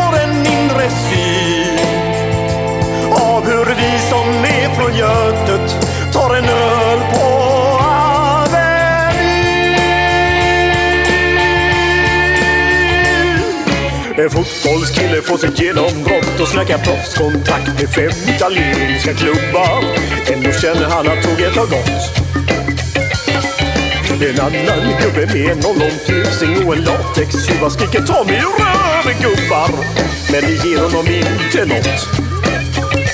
Samma tomma blick och tårar salta smak. Om man frågar säger båda samma sak. De är ledsna för att de inte är från Göteborg. De kan inte se polisen dunka buss på Schappans torg. Det är inget fel på att vara från Mölndalsbro. Men 14 stopp med fyran svider mer än man kan tro. Och de gråter så det krampar när de får en inre syn av vi som är från Götet Av vi som är från Götet Ja, där hörde vi den underbara låten eh, De är ledsna med Jävlar anamma. Ja. Det är en god låt. Ja, alltid lika, lika, lika höra den hur skön. mycket som helst. Ja. Vi, eh, vi hoppas ju då eh, att eh, Jörgen inte kommer att ha ångest efter matchen imorgon i alla fall? Nej, det ska Eller man vi inte behöva vet att du inte kommer att ha det. Nej, det tror jag inte. Nej. Du är ingen ångest Nisse? Nej, det är jag nej. inte. Nej, nej. nej. Vad ska man vara det för? Nej, det hjälper ju inte. Nej. Nej. Absolut. Men jag har hört att eh, vi pratade förut om Liverpool mycket och du är ute och reser runt hela världen och eh, kollar på fotboll, fotboll, fotboll och du är en riktig fotbollsnörd. Eh, jag har hört rykten, får du bara säga om detta stämmer eller inte. Var du på Blåvitts sista match i Uefa-cupen 87? Ja, ja. Tärnadays Park. Ja, var, du var Lennart där? Nilsson gjorde 1-0. Självklart var jag där. Det åkte jag och en kompis från eh, Göteborg över och såg den matchen. Vi var på alla matcherna här på Ullevi. Eh, det var inte först va? Och sen var det Swarovski Tirol. Och sen var det Dundee United. Eh, och sen när då... Eh, när det blev borta mot där så... Det var någon annons tror jag i någon tidning om den resan och resa dit. Att Fan det vara kul att den matchen i Skottland, i Dundee då. Så Ja. vi var där på Tannadice Park och 87. Och, eh, 1-0 Lennart Nilsson kommer jag ihåg i alla fall. Mm. Och sen var det kört, sen var det över. Nej, det var lite jobbigt för dem. Ja, det kan man säga. Men behövde de gjorde ett. De gjorde ett, ja. Men eh, det var ju absolut, det var en Skottland. Ett fantastiskt trevligt ställe alltså. Ja, det var häftigt. Ja, Så det måste varit en upplevelse för dig som supporter. För ni blev ganska om, väl omhändertagna, eller? Alltså jag, jag bodde ju i Växjö då så att vi, vi, vi, eh, vi åkte ju dit, kände liksom ingen så. Att vi åkte ju dit för att se på matchen då. Men det är Ja. klart att det var en god stämning i stan den dagen och sådär va. Så att, Ja. eh, det var ju, det var ju... eh, Det var en kul resa kommer jag ihåg i alla fall. Och skottarna är ju... Det är många goa gubbar där. Så att, eh, det var en trevlig resa, absolut. Jag tror att de fick pris det året som Europas bästa supportrar på något sätt. För efter matchen, deras agerande. Och sen de applåderade både oss och de sina egna. Och det var inga, inga jävla dö, dö, dögrejer. Nej, de har ju bra rykte om sig. Ja, men det var ju så, alltså, jag växte upp i Växjö och då, det var ju liksom, Öster var ju bra va. Men det fanns ju, det var ju några internationella matcher. Öster mötte ju faktiskt Cruyff med Bar- Barcelona med Johan Cruyff och det var Bayern München. Bayern München med Rummenigge och Ja. de här gubbarna. Eh, Hibernians mötte de också. Så att, men det var ju inte så mycket internationell fotboll. Och sen då när man fick körkort och hade bil så var det ju inte så långt att åka till Göteborg då. Så att vi drog ju upp här några fotbollskompisar och såg ju väldigt mycket matcher då. 82 och 85 där Sarabakos där va och eh, 87. eh, Ja. Så att... eh, man Men var- hur var den tiden i Växjö? För det måste ju varit i bakvattnet av Öster var ju bra på den tiden. Ja, Öster var ju bra. Och... Öster var ju bra. Det var ju, det var ju SM-guld eh, 78, 80 och 81 va? Ja. Och SM-guld. Och eh, det var ju lite mardrömsarena för Blåvitt va? Värnsvallen. Ja, det var... Ja. Ja, framförallt med Gais kommer jag ihåg. Ja. 9-0. 09. Det kommer jag ihåg. Det var jag på den matchen. Eh, Det kommer jag ihåg faktiskt. Men det var en kvalsvenska va? Nej, jag tror det var Var det. Det är Jag vet, jag vet att ju. eh, Janne Lundqvist, våran vänsterback, tog med hans avsiktligt sista minuten första halvlek. Och gjorde de 1-0. Hasse Eklund tror jag gjorde 1-0 straff. Sen gör de 8-0. Då blir han utvisad.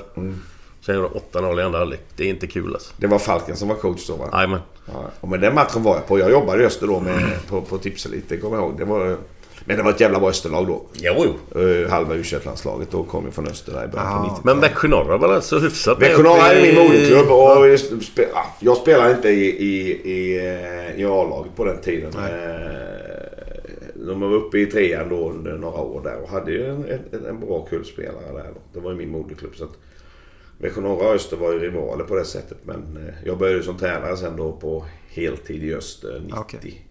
91 var det väl ja. Du har ingen tanke på att göra något annat någon gång? Liksom eh, någon annan sport? Ja, jag spelade pingis. Det gjorde Okej. jag under några år i BTK Frej. Eh, golf spelade jag. Tre eller fyra år.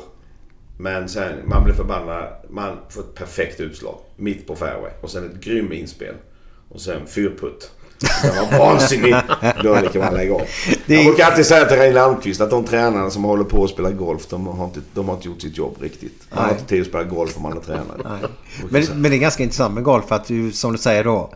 Eh, Du står och tränar egentligen på ranchen. Det är ju egentligen bara långa slag, eller hur? Ja. Ja, och de funkar ju bra. Men närspelet tränar du inte på så går det åt helvete ändå ja. Ja, ja visst. Nej, nej jag, jag blev för förbannad när jag missade puttarna. Så Ja, jag jag, jag, spelade en 3-4 år gjorde. Hade väl 30 någonting när jag slutade då. Men sitter inte det i lite grann ändå? Även, Jo, det även gör idag det. menar jag. Om du nu Alltså, skulle spela. Det var faktiskt så. Vi var på semester ett gäng fotbolls... gubbar kan man väl kalla det med, med Reine Almqvist och Conny Karlsson var med och mot Kalle Björklund eller var med. Micke Källström, Kims pappa var med. I Thailand. Och då spelade vi golf. Eh, och då, då fick jag, eftersom jag inte spelade, så fick jag spela på 56 då. För det är ju det man har när man börjar. Så jag vann ju överlägset. Så det är klart att eh, slagen sitter i. Det sitter kvar ja. ja det plockar man upp ganska snabbt när man börjar spela. Men jag har inte tid med golf. Det går Nej, nej, det förstår jag. Det går inte. 54 börjar man på va? Okej, okay, ja det kanske det är. Ja, jag bara... Vi behöver rätta varandra ibland. För vi får ju alltid massa mail och folk som säger när vi säger fel saker. Glenn. Ja, men det tycker jag är strålande. Att folk som verkligen kan det, som skickar in det, fortsätt med det. Ja, gör det. det är bara kul. viktig man, fråga. Man kan ju inte ha rätt i allt. Det går ju inte. För helvete, det är 54 i handikapp man börjar på. Så börjar man på röd tid då, va? Ja. Nej, det vet jag fan. Det är väl tjejer som har röv, är det inte då? Nej, jag kan inte det. Jag, jag, Nej, jag ska låta det pass här också då. Eh, Jag har en fråga till dig. Personlig fråga faktiskt. Mm. Eller personlig, den är från mig då. Du, hur nära var du landslaget? Det är ingen bra fråga. Varför då? Nej, det kan jag inte svara på. Är det så? Ja. Nej! Den kan jag inte svara på. Då var det jävligt nära Glenn tror jag. Tydligen. Nej, det tydligen. vet man aldrig. Men den kan jag inte svara på. Alltså det är så pass? Den kan jag inte svara på, säger jag bara. Fan nu ska man ha bulle här nu. De är mutat alltså. Är du en bullkille? Vad betyder det? Du gillar bulle alltså? Bulle alltså? Kanelbulle? Ja, det kan vara gött ibland till en liten kock. Ja, jag menar bara att jag kan muta dig nu då. Men det gick Nej, det inte. inte. Nej, Nej, det är alltså ingen den är fråga du känslig? svara på. Nej, känslig vet jag inte, men du får inget svar. Nej, men då är den känslig. så Nej, jag- det var jag vet. Känsligt Fan eller inte, men du får inget svar. Enda frågan man har förbestämt Glenn. Och så får man inget svar. Nej, det är sånt. Livet är hårt ibland. Ja. Jag- tänkte på en sak bara när vi ändå är inne på det här med tränargrejerna. Vem, när du gick, du har gått varenda steg som finns eller? Allt som Ja, finns. det gjorde jag. Sista steget gick jag 95. Vad, vad, vad var det för gubbar som var instruktörer då på, den, på, på de kurserna? liksom? Ja, det var Tom Söderberg. Det var Lasse Lagerbäck. Det var eh, Laban. Ja, Laban var överkoko. Jaha. Eh, vilka var det mer? Kan det varit... Eh, kan det varit... Eh, Christer Svärd kanske? Nej. Elo Mattsson kan ha varit med på ett hörn. Eh, Roland Andersson. Eh, Men- Men, Laban var överkoko i alla fall. Men hur funkar det? Jag har aldrig varit på någon sån kurs. Men går de med runt och visar hur man ska göra då? Eller ska ni själva visa att så här kan vi göra och så står de och skriver på papper bara? Eller vad, Alltså jag gick eh, min första tävlingsutbildning 1979. Då var jag 14 år. Och sen så är det då olika steg. Från grundkurs, steg 1, steg 2, steg 3, steg 4. Steg 4 var det högsta då. Nu har det här ju ändrats. Nu är det eh, olika basic level, advanced level och pro level då. Det är mycket mer omfattande idag. Jag skulle säga att det är fyra, fem gånger så mycket tid idag som det var på den tiden. Men på den tiden så var det steg 4 som var det högsta. Och när man går steg 4-kursen då, då är det 12 personer. På den tiden var det så. Det var 12 personer som blev uttagna varje år till den kursen. Och då var man, hade man eh, en handledare. Som, och sen var man i grupper om tre då. Och sen så var det, var det på eh, veckan efter Elitpojklägret. Där hade du, du varit. I Halmstad, I Sanna. ja. Ja. Så veckan efter det så hade man något som helst med påbyggnadsläget. Det var de som var ett år äldre, de som hade varit där året innan.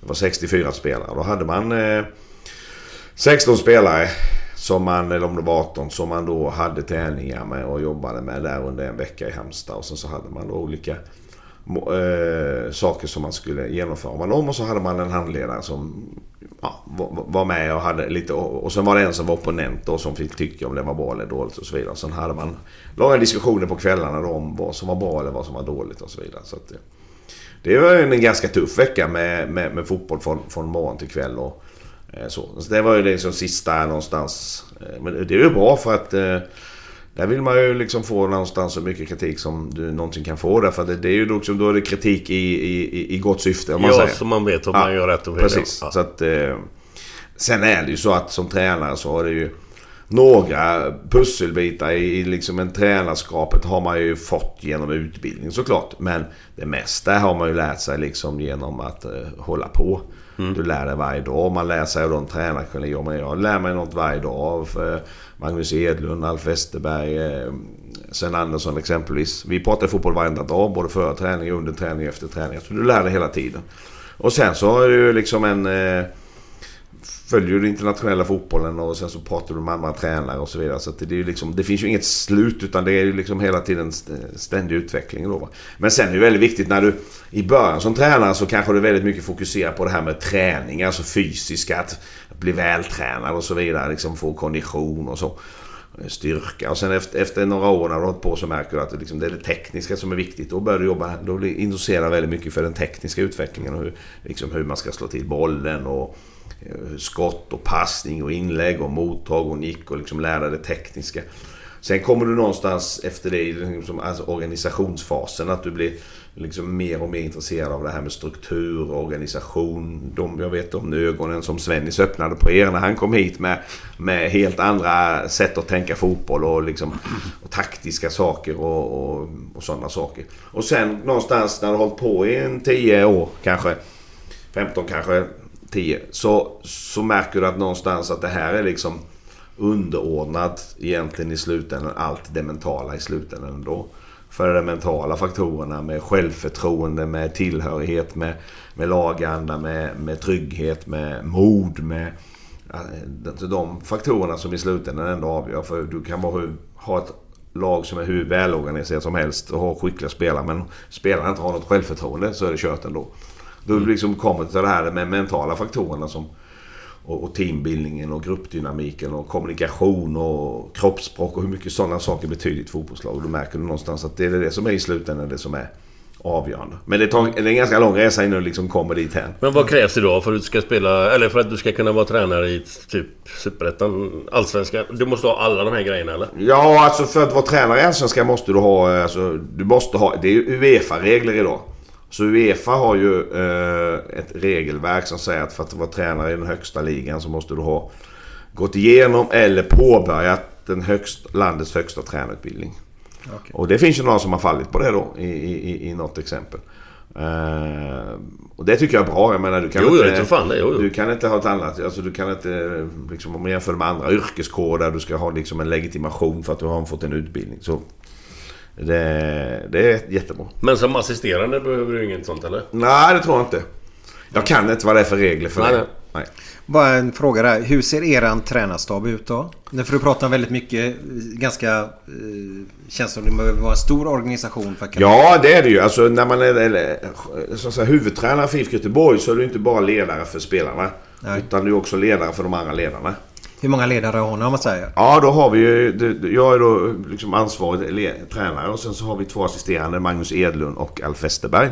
Magnus Edlund har lite extra ansvar för fasta situationer och för den individuella träningen. eh, Kan man säga, om jag drar det eh, väldigt generellt.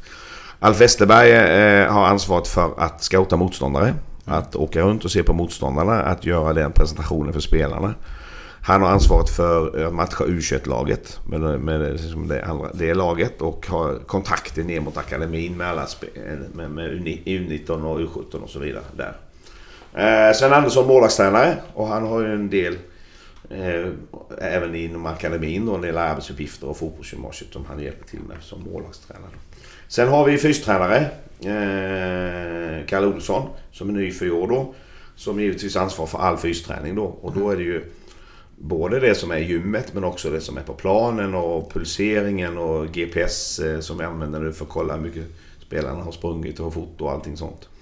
Och sen har vi medicinskt team då med Fredrik Larsson och, och Kalle Persson då som, som är eh, eh, sjukgymnaster och, och, och har hand om den delen. Mm. Ja, sen finns det lite andra funktioner också runt där sen. Kör ni mycket gym liksom året om eller är det mest på försäsongen eller? Eh, nej, ja, det är ju det är ju lite mer på försäsongen. Men är det match söndag, söndag så brukar vi ha onsdag eftermiddag. Då har vi ett gympass. Eh, Kollektivt då. Men sen är det ju mest individuellt. Vissa kör mera och vissa kör mindre då. Det är ju vad de mår bra av själva. Men kollektivt en gång i veckan under säsong. Det är så? Ja. För det Eller kollektivt. Det är, det är kollektivt träningstid men de har ju sina individuella program självklart. Ja. För det känns som att alla spelare idag är ju så mycket mer vältränade mot Mm. bara för 10-15 år sedan alltså. Det är ju monster där ute alltså. Riktiga vältränade biffar idag. Jo, det är det. Absolut. Det är, fysik har ju blivit... Alltså, det, I och med att fart är så viktigt i fotboll idag. Så måste du vara vältränad. Hinner du inte med så är du chanslös. Hur bra du än är för övrigt.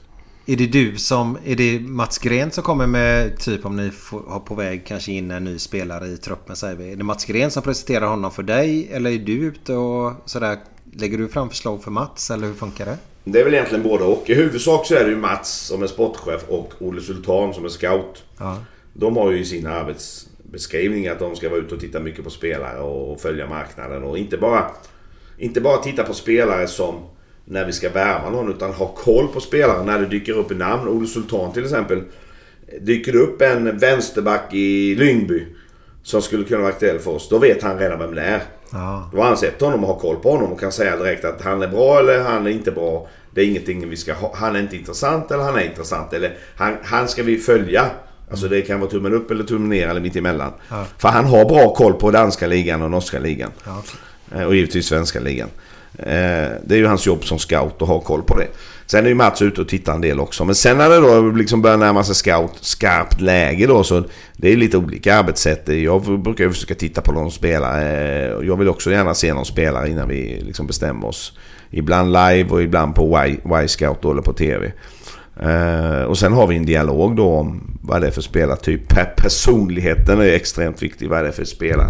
För människotyp då. Och där gör vi väldigt mycket research då. Man pratar med gamla tränare som de har haft tidigare eller spelare som de har spelat ihop med. Sådär då.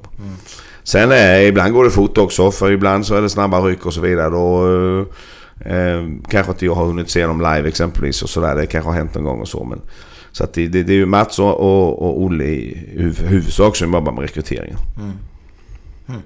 Men om du vill ha en gubbe, vi säger vänstermittfältare, så vet Mats vad det är för typ av vänstermittfältare du letar efter? Ja, Olle också. Så Ja, det, det, det, det pratar vi om Ja. vad det är för typer vi vill ha och så vidare. Vad vi behöver. Ja. Men sen är det så mycket ekonomi i det här ju det. Det är inte som förr att Blåvitt kunde titta på nu behöver vi... Säljer vi Conny Karlsson och så tar vi, hem, tar vi, tar vi in Peter Larsson. Han är Sveriges bästa mittback i den... eh, Liksom, vi- eller vad ska jag ta för vi, vi säljer Johnny Ekström och så tar vi in eh, Stefan Pettersson liksom. Motsvarande Sveriges in, in, bästa... In, så är det inte längre. Det finns ju inte på världskartan. Utan det här är ju ett jädra pussel. Med eh, pengar och agenter och eh, scouting och, och liksom... Och, och, och det- det här är egentligen saker som Mats ska prata om. För är Ja, han, han jobbar ju med de här sakerna. Men är det bättre med agenter idag än det var förr? Eller, eller, hur, eller, fast för då var det ju inte många. Det fanns ju inte många då. Men de var ju lite halv... Man- man- luriga om man säger så. Men har det blivit bättre på den biten eller hur fan är det? Svaret på det är följande Glenn. Det finns bra poddar och det finns dåliga poddar. Det finns bra tränare Okej. och det finns dåliga tränare. Och det it. finns bra agenter och det finns dåliga Ja, det är bra, agenter. det är bra, det är bra. Där är svaret. Så hela, hela spektrat. Fan, han gick igång där då. Nej men det går inte att dra alla den kan. Nej, det finns nej, bra nej, agenter det Ja, finns ja. sketdåliga med. Absolut. Det är som tränare. Ja, precis. Precis som tränare. Ja. Ja. Så, men du vet ju i alla fall vad du har att röra dig med. Hur, hur stor trupp har ni idag? Eh, just nu, vi har ju varit, vi har, vi har haft vakanta platser egentligen under hela försäsongen. Eh, vi började ju med 17 spelare bara. 17 bara. Ja. Och sen har det kommit till några under resans gång då. Eh, Mikael Diskerud och Henrik Björndal. Och nu har ju eh, August Erlingmark också eh, blivit permanent A-truppspelare. Okej, han skriver kontrakt alltså. Skrivit och fått A-kontrakt. Oj. Det betyder att idag är vi 20 plus 2. Och det är ju det man vill ha då, 20 plus 2. Så. Är det idealet? Ja, det tycker jag är bra. Det är inte bra för vara för mycket spelare heller. nej, nej, nej. Det är heller inte bra. Jag läste det var någon där som bantade någon trupp från... Ja, Jag vet inte fan vem det var. Eh, från, det var 27... Var det du förresten? I. Elfsborg? Nej.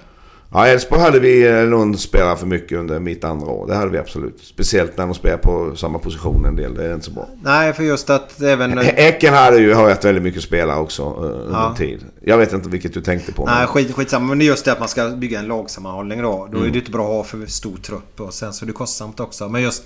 De ska ju känna sig att vara i närheten av att ha en plats är i det. laget. Absolut. Det där är en jäkla balansgång. Har du för mycket spelare det är problem. Har du för lite är det problem. Ja. Sen är det klart att ska du ut i Europa och spela så går det åt flera spelare. Så det där påverkar ju också. Ja. Får jag eh, säga att ni skulle ligga i toppen nu då som vi ber till gudarna att ni gör här nu till sommaren. Eh, Och vi säger att Norrköping skulle vinna kuppen Mm. Och ni kommer då ut och få kvala till Europa League blir det då va? Mm. Eh, Det tog ju styggt förra året. Det tog ju styggt ja. Ja. Eh, är det en ställning du får ta då helt enkelt hur man gör där? Är det klubben som tar det beslutet då eller hur gör man? Ja du, det är en bra fråga. Eh, Just nu så är det ju inte en trupp som är byggd för Europaspel. Det är ju en trupp som är byggd för Allsvenskan. För att bygga en ordentlig Europaspelstrupp har vi inte råd med. Nej. Det är den krassa sanningen. Eh, utan det måste vi försöka pussla ihop ändå. Eh, den situationen att man skulle behöva välja mellan eh, li- ligan och Europa är ju inte någon jättebra situation. Ekonomiskt så tjänar vi mer pengar på Europa än att vinna Allsvenskan. Det är så. Överlägset mer pengar. Samtidigt så är det ju en titel och en allsvensk, eh, allsvensk titel. Är någonting som alla suktar efter väldigt mycket. Får säga som Bill, Bill Shankly. Eh, never mind Europe but the league is our bread and butter. Ja, det är väl lite så faktiskt. Ja, det är lite Och det är väl det de flesta supportrar eh, tycker också är ganska... Att vinna allsvenskan, sen kan vi ta det andra sen. Ja, så är det. Kassören tycker nog tvärtom. Ja, jo men det gör de ju naturligtvis. För ni brottas ju med pengaproblem idag. Ja, så är det. Vi har ju haft Frank i podden här också och pratat om detta då. Eh, och det är tråkigt men det är ju sanningen. Så är det. Det är bara att göra det bäst, gilla läget. Ja. Vad, vad kan supporterna förvänta sig av Blåvitt här nu i år tror du Jörgen? Eh, att vi har ett lag där vi jobbar stenhårt för varandra och krigar för varandra i 90 minuter. Att vi eh, förhoppningsvis kan hitta ett spel som, som blir vägvinnande och, och, och attraktivt. Och vi, vi kan fortsätta skapa målchanser på många olika sätt. För det har vi haft väldigt bra genom åren. Vi, vi har ett variationsrikt anfallsspel. Vi kan skapa målchanser på många olika sätt. Vi behöver täta till vår defensiv. Där har vi vår största utmaning. Och där är vi lite överbalanserade på, i laget som sådant kan man säga. Gustav Svenssons roll har vi inte riktigt ersatt kan man säga då med den här Nej defensiva mittfältaren som, som, som hindrar väldigt många målchanser innan de ens blir målchanser.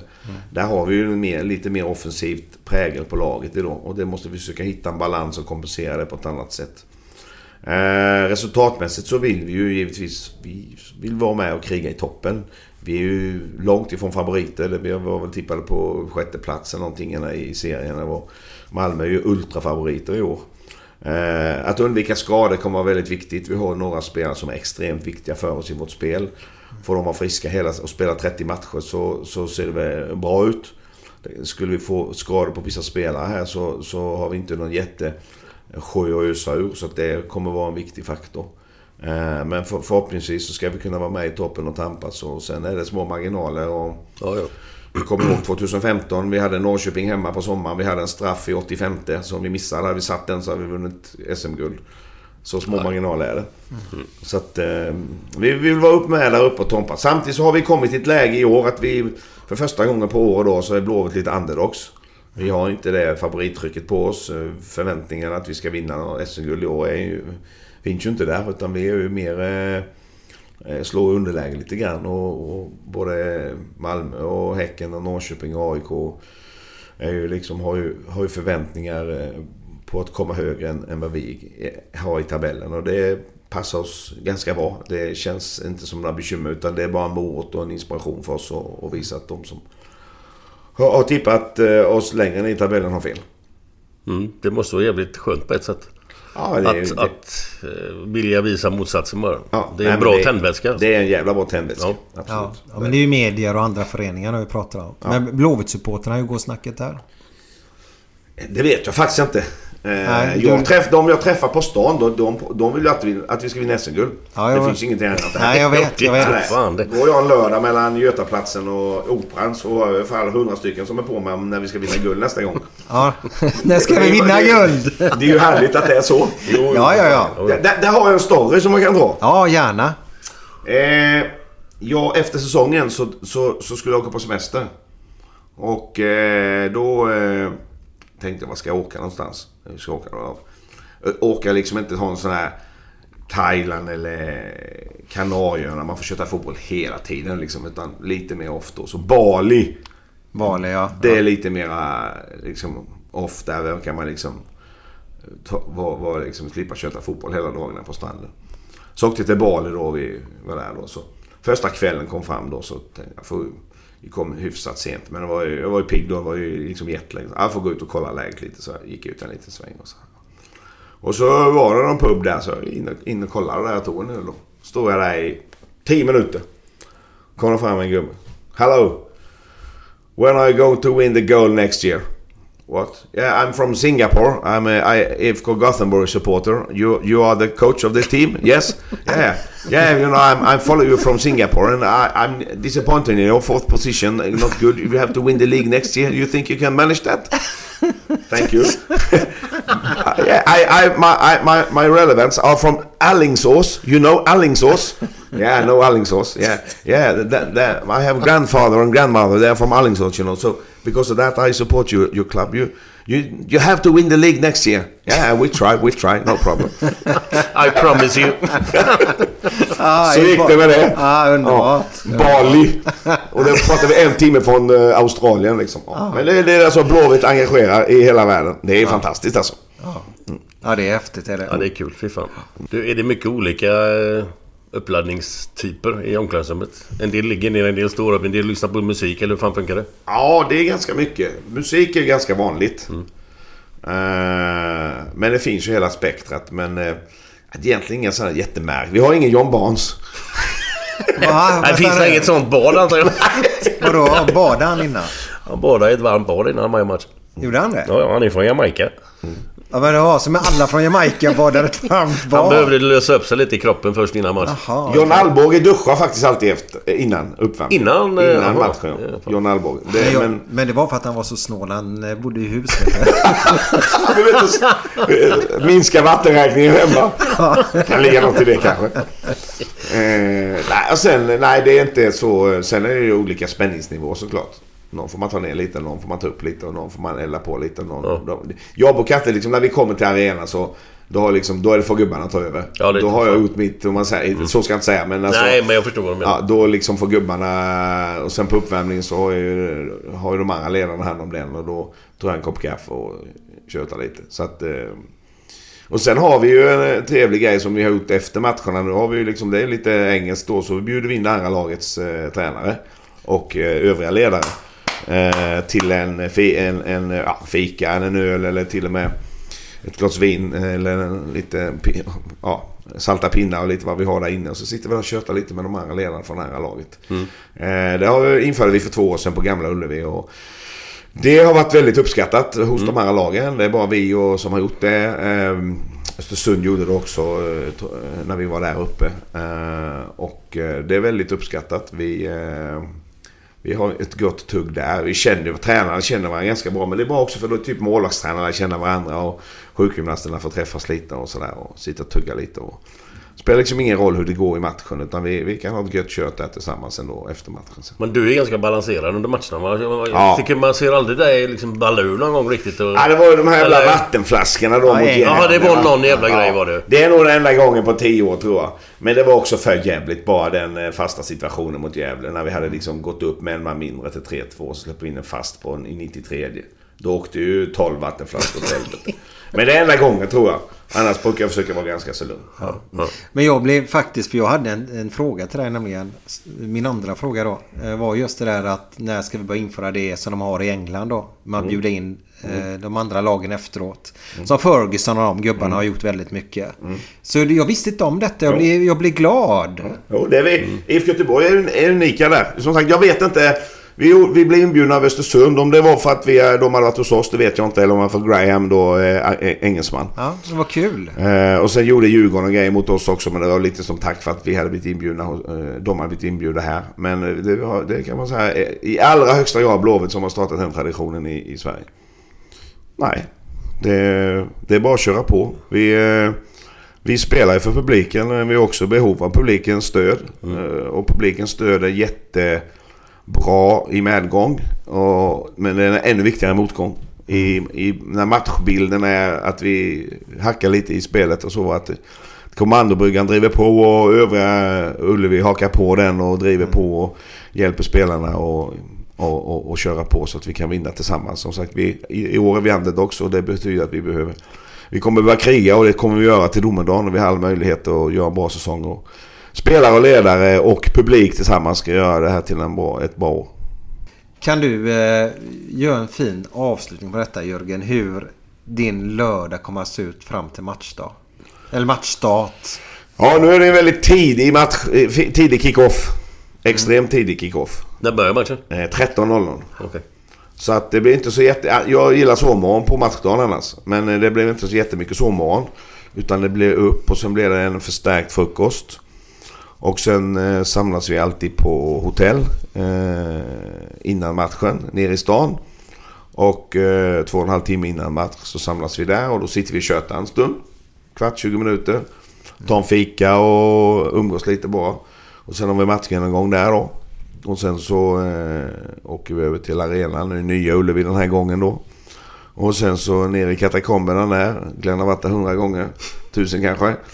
Och du, du kan till, känner till omklädningsrummet och feelingen där och sen upp på uppvärmningen och så fullsatt och sen bra tryck på, på värmningen och, och Blåvitt-klacken äger arenan och driver på. Så vi vill ha atmosfär redan innan uppvärmningen. Det är viktigt. Du kommer ihåg det på gamla Ullevi, eller när, när ny, innan nya Ullevi byggdes om, när det var ståplatser. Då var det alltid fullsatt på alla ståplatser. Innan ni ens kom på uppvärmningen. Det var ett jävla drag på uppvärmningen.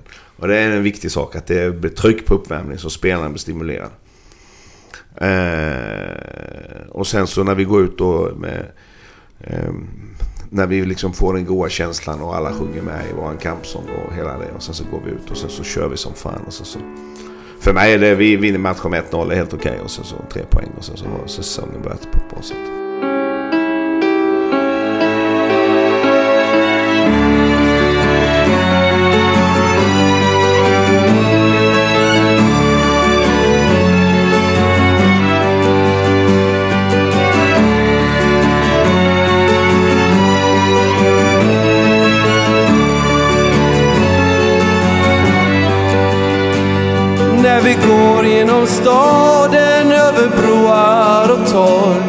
Ofta salt ifrån haven minns vi glädje och sorg. Och vi minns första gången när änglarna sjöng hur vårsolen värmde och vintern var glömd. Och när vi kastar våra tomma glas finns det alltid någon med hjärtat kvar. Du hav och himmel står vi kvar för vi glömmer aldrig denna stad. Vi såg hur du halta, vi såg hur du sprang med tårar på kinden och hjärtat i brand. Med längtan i bröstet du stod där och sa Snart skiner Poseidon och Blåvitt står kvar.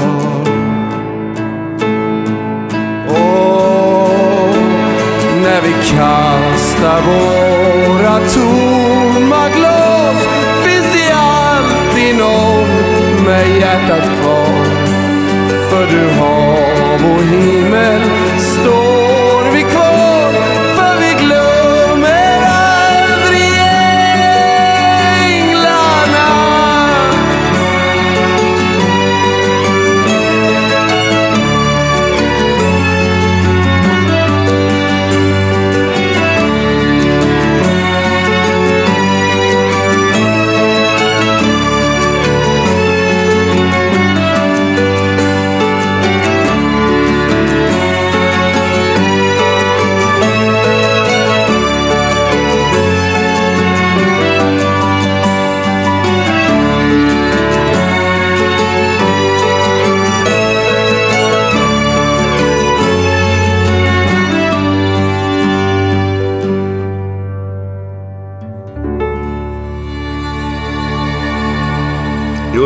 att det var Karl Ada som eh, låg och kelade lite i sängen.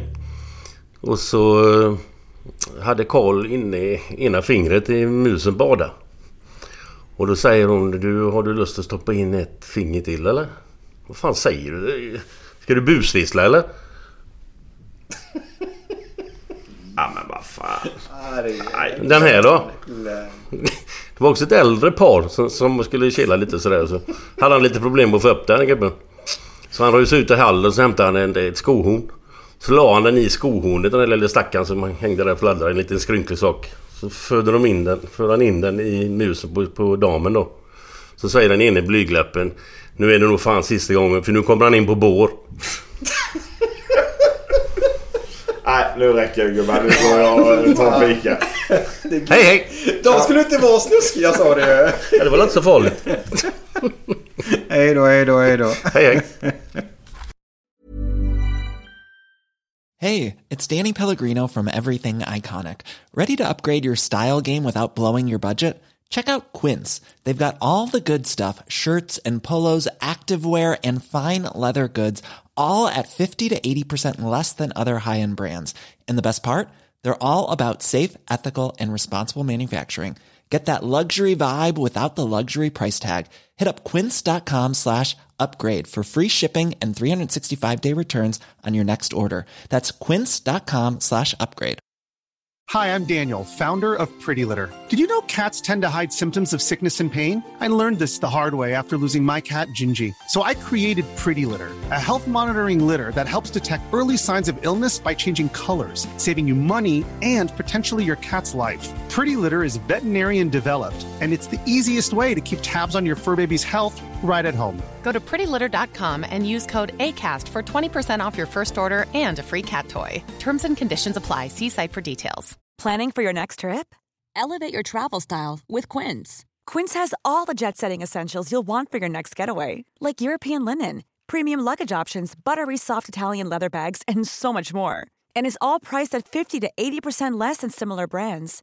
Plus, Quince only works with factories that use safe and ethical manufacturing practices. Pack your bags with high-quality essentials you'll be wearing for vacations to come with Quince. Go to quince.com slash pack for free shipping and 365-day returns.